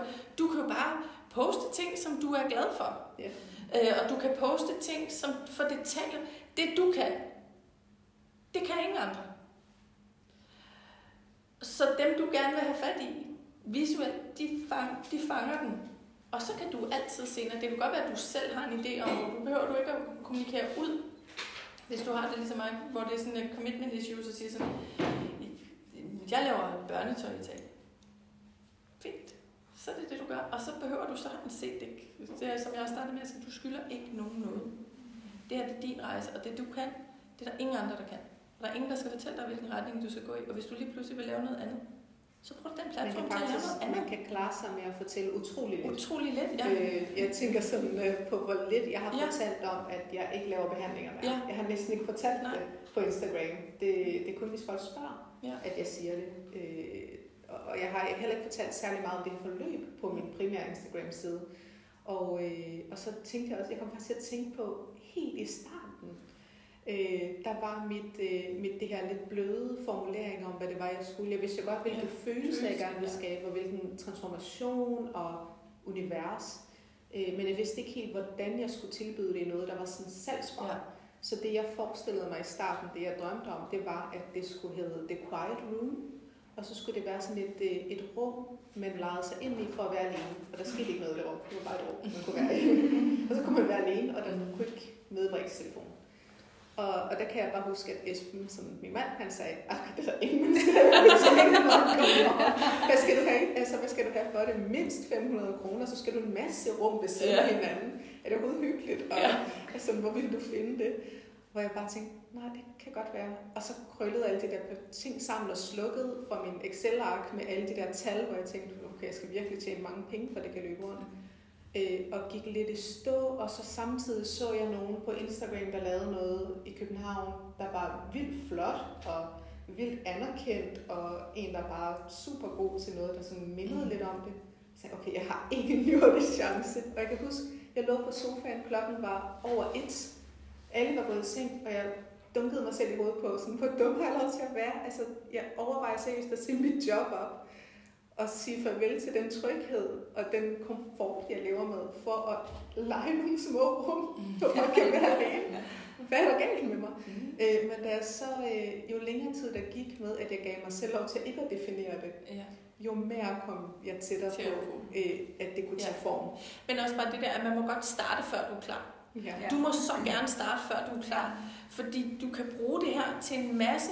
Altså, jeg startede med en partner i december 17. alting gik i vasken de første to år, fordi man er alt muligt. Men Instagram har jo beholdt i al den her tid, og kommunikerer med en masse, og der er jo en ting, som er, hvad du ser på Instagram. Du ser jo ikke den enorme mængde af Netværk, netværk, der ligger nede under. under, ja. Og det kan også være, at det, du har været selvstændig før, er en brik i den rejse, du er på nu, som er bygge videre på noget, du kan. Helt unikt. Og det skal man huske. Alle kan noget helt unikt. I hver især byder ind med, og det skal I elske at gøre. Og så kan det godt være, når Nana, hun, Nana, hun er super konkrete ting. Og det elsker jeg ved Nana, men jeg kan ikke være lige så konkret. Og det bliver jeg heller aldrig, for sådan er jeg ikke som type. Så det er sådan, man må godt, man må godt være work in process hele tiden, og sige, man, man arbejder videre, man arbejder fremad, og, man, og også det der, det kan jo være allerede nu, I har en idé, som ikke er salgbar nu, ligesom Fulvia siger, men det er den om fem år. Mm. Og så kan I lave alle mulige andre ting derhen til, fordi den rejse, I er på nu, er med til at definere den virksomhed, I laver. Og den må godt være øh, changeable hen ad vejen. Du må godt, øh, for, det, for det er du, og det er den også. Og den er dig. Altså, det lyder helt Så skørt. det er der ikke noget altså, forkert i. der er ikke noget forkert i det. Altså, der er virkelig ikke noget forkert i det. Ligesom jeg havde på et tidspunkt, så havde jeg sat mig ned og sagt, jeg laver aldrig print og striber. Okay, vent lige til sommer, siger jeg bare. og det er sådan lidt, det må man også godt. Det her, det er ingen andres rejse end din. Og du satser på dig selv. Men ved Så du, hvad, dig. ved du, hvad det er for et tema, du vil arbejde inden for? Ja, ja. ja Altså, okay. Hvad hedder det? øhm, Jeg har gjort det der at opbygge Instagram først. Ja. Så lavede jeg et inspirationsunivers, hvor der er fokus på mindfulness, jeg er mindfulness-instruktør og Mm. taget kurser i urtemedicin. Og jeg vil gerne bringe det her øhm, urte til øhm, ud til folk. Og først havde jeg tænkt, at jeg skulle lave øhm, produkter. Men det er altså for uoverskueligt lige nu med indkøb. Og der skal virkelig sælges mange ting der er til 150 kroner. Altså Ja. for at skabe indtægt. Så nu er jeg så gået lidt mere i en retning af, at jeg gerne vil dele viden. Øh, For det er også det, jeg kan mærke, at folk de responderer meget positivt på min formidling. Mm. Jeg har tidligere øh, altså været fulltime influencer og har udgivet en kogebog og har arbejdet med PR og markedsføring, så det er meget let for mig, Ja. del. Men jeg tror måske, at sådan ting gider folk betale for det. Altså, vil de hellere have noget fysisk. Mm. Øhm, så jeg har holdt en workshop nu første gang, som øhm, der var mega positiv øh, feedback på, og udsolgt på to timer billetter Ja. til. Og, øhm, og, og nu tror jeg, at jeg har to datoer, hvor jeg altså har, har booket det her lokale, øhm, og de ligger fast. Men jeg, er sådan, jeg, jeg tøver med at sætte billetter til pris til salg, fordi jeg er sådan, åh, Hvad skal er jeg sådan en, der laver workshops? Nå, det er ikke lige, På den måde. Altså, sådan, der kommer sådan en identitetsting Ja. på en eller anden måde fra mig, øhm, hvor jeg bliver sådan, og så når jeg også gerne lave en e-bog, det passer måske også meget godt ind i det univers, altså med ja. formidlinger, det kunne være lidt det samme, men, men jeg er så bange for at ændre mening, og så ligesom at bruge Det- en masse energi på at bygge noget op, og så, Ved du, for det har jeg gjort mange gange, altså Ja. ja. startet noget op, og så fået sådan en fin succes, og så kædet mig, fordi Ja. og nu det er jeg god til, okay, nu laver jeg hvad, hvad skal jeg så? Det er også fejl, at du havde lyst til at komme videre, Ja. og jeg tænker, at folk vil være interesseret i dig, uanset Ja. hvad du laver. Lige De venter bare på, Ja. hvad Ja. det er, du har lyst til at At lave. udtrykke og levere til dem nu, og så står de klar. Ja. Øh, det er det, der er så smukt ved at lave noget, at det er din fortolkning af noget, som Ja. du har lyst til at give videre til andre. Og det er jo også super ærligt, hvis det Ja. er sådan, du er som person. Ja. Så er det jo også super ærligt, fordi så kan du ikke holdes fast i en bestemt ting. Jeg synes, inde på Instagram, så er der en, der hedder Shop Copito. Øh, hun hedder... Det hende synes jeg, du skal gå ind og, og prøve at følge, for hun startede med at lave Shop Copito. Øh, hun hedder... Hun hedder Clara også. og Sådan. Jeg, kan, jeg, sender, jeg kan sende til fuld så kan hun sende til dig. Men hun startede også med at lave øh, workshops inden for én ting, så lavede hun noget andet, så lavede hun en helt tredje. Og folk synes, hun er interessant, fordi hun er hende. Mm. Ja. Det tror jeg, det skal du Og det skal du virkelig, hvis du er god til at få folk til at følge dig, fordi de synes, du er interessant, så er det fuldstændig Ja. ligegyldigt. Det tænker jeg også. Du kan lave hvad som helst. Lave hvad som helst. tror jeg Altså, også, ja. altså, Det er jo en ærlighed. Altså, det er jo en er ærlighed. ikke sat i bås som hende, der laver workshops. Hvis Nej. stopper med det, så glemmer de det igen. Jamen, det er også lige Ja. alle, hvad hedder det nu, Katrine, som også har været her. Hun startede med at have rock paper dresses. Ja. Altså bare da hun skulle skifte navn, var hun Ja. også sådan, bare sådan, åh oh, nej, hvis jeg skal... Jeg kan ikke engang huske, om den hedder rock paper dresses. Men jeg kan ikke engang huske gå på P3 som vært. Lige præcis, ikke? Altså det er sådan Altså, du har så meget lov til, Ja. og det, det der bare er vigtigt, folk kan lugte, hvis du ikke er ærlig. mm. Det kan de bare mærke. og så det er der, hvor de hopper fra. Så, Ja, så længe du gør det med en mærke, at du gør det, fordi at du har gør det, fordi du har lyst, Så og har du vi har oplevet noget nyt, og du har Ja. udviklet dig som person. Du har udviklet dig i en anden retning, du har oplevet noget, og du er blevet klogere, stærkere, bedre, hurtigere, et eller andet. Ja. Det synes jeg ikke, at der... Altså, Jeg tror også, jeg. nej, det må du så Men være. det er det her med, hvor meget man bringer sig selv i spil, også Ja. hvor meget man bliver inspireret. Ja. Fordi det er det, jeg har oplevet tidligere. Der var det jo mit navn, der ligesom var mit Ja. brand. Og nu har jeg jo ligesom stået virksomhed under et andet navn. Ja, Øhm, men, men jeg oplever, at folk de responderer meget, når det er mig. ja. Det handler om, hvor Ja, jeg ja. nu starter jeg med et nyt navn, og Og vil du gerne væk fra det, eller er du okay med det? jeg er okay med det til en vis grad. Altså, Ja. jeg, jeg nåede sådan virkelig et altså sådan et mætningspunkt, Ja. ja. øhm, da jeg valgte at sådan lukke min blog, som Ja. ja. var det, man ligesom havde dengang. Øhm, men, men det der med, sådan, hvor meget, hvis man bringer sin egen identitet ind i det, så var det ligesom også mere på spil ja. i forhold til et, altså, et brand, som ligesom har mere et, et produkt, der er, er sådan Men fokus. er det i virkeligheden mere det, du føler, du skal tage stilling til? til?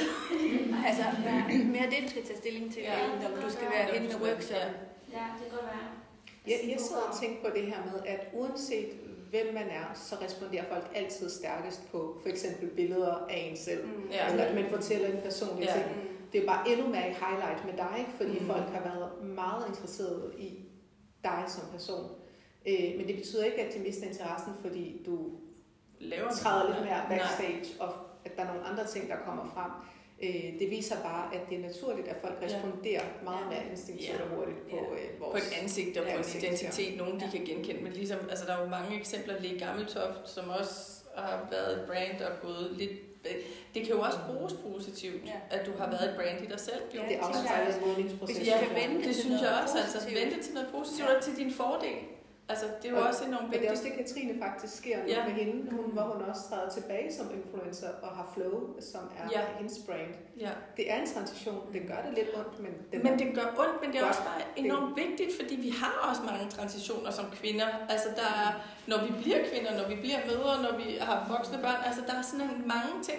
Og det er jo altid en, det er jo, man, bliver, man er jo sårbar. Man er jo sårbar, når man går fra et til noget andet.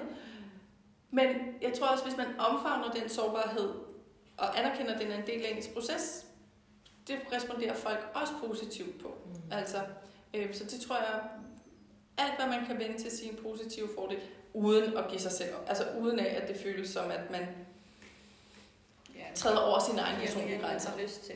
Ja, man skal have lyst til det, ikke? Ja. Det, jeg, jeg synes, det jeg synes altid, det er spændende. Det er ligesom, da altså Fulvia, hun har jo også taget et skridt og gået fra at have The Glow Institute til at over have The Dreaming Blue.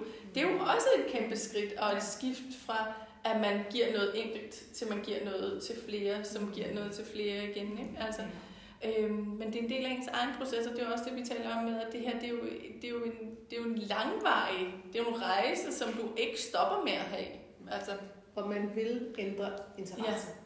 Jeg tænker også på, altså hvis jeg først begynder at tænke på, hvad jeg interesserede mig for det første år, sammenlignet med det andet år, der er så stor forskel, når jeg egentlig kigger på det, når jeg rigtig kigger på det.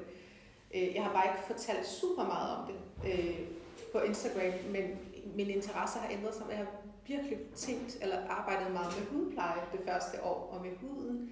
Og det har bare ændret sig mere og mere til at afspejle det, som jeg brænder for nu, som er selvomsorg og også popkultur og andre ting. Og, og jeg kan mærke, at folk følger med. Altså, de, Ja.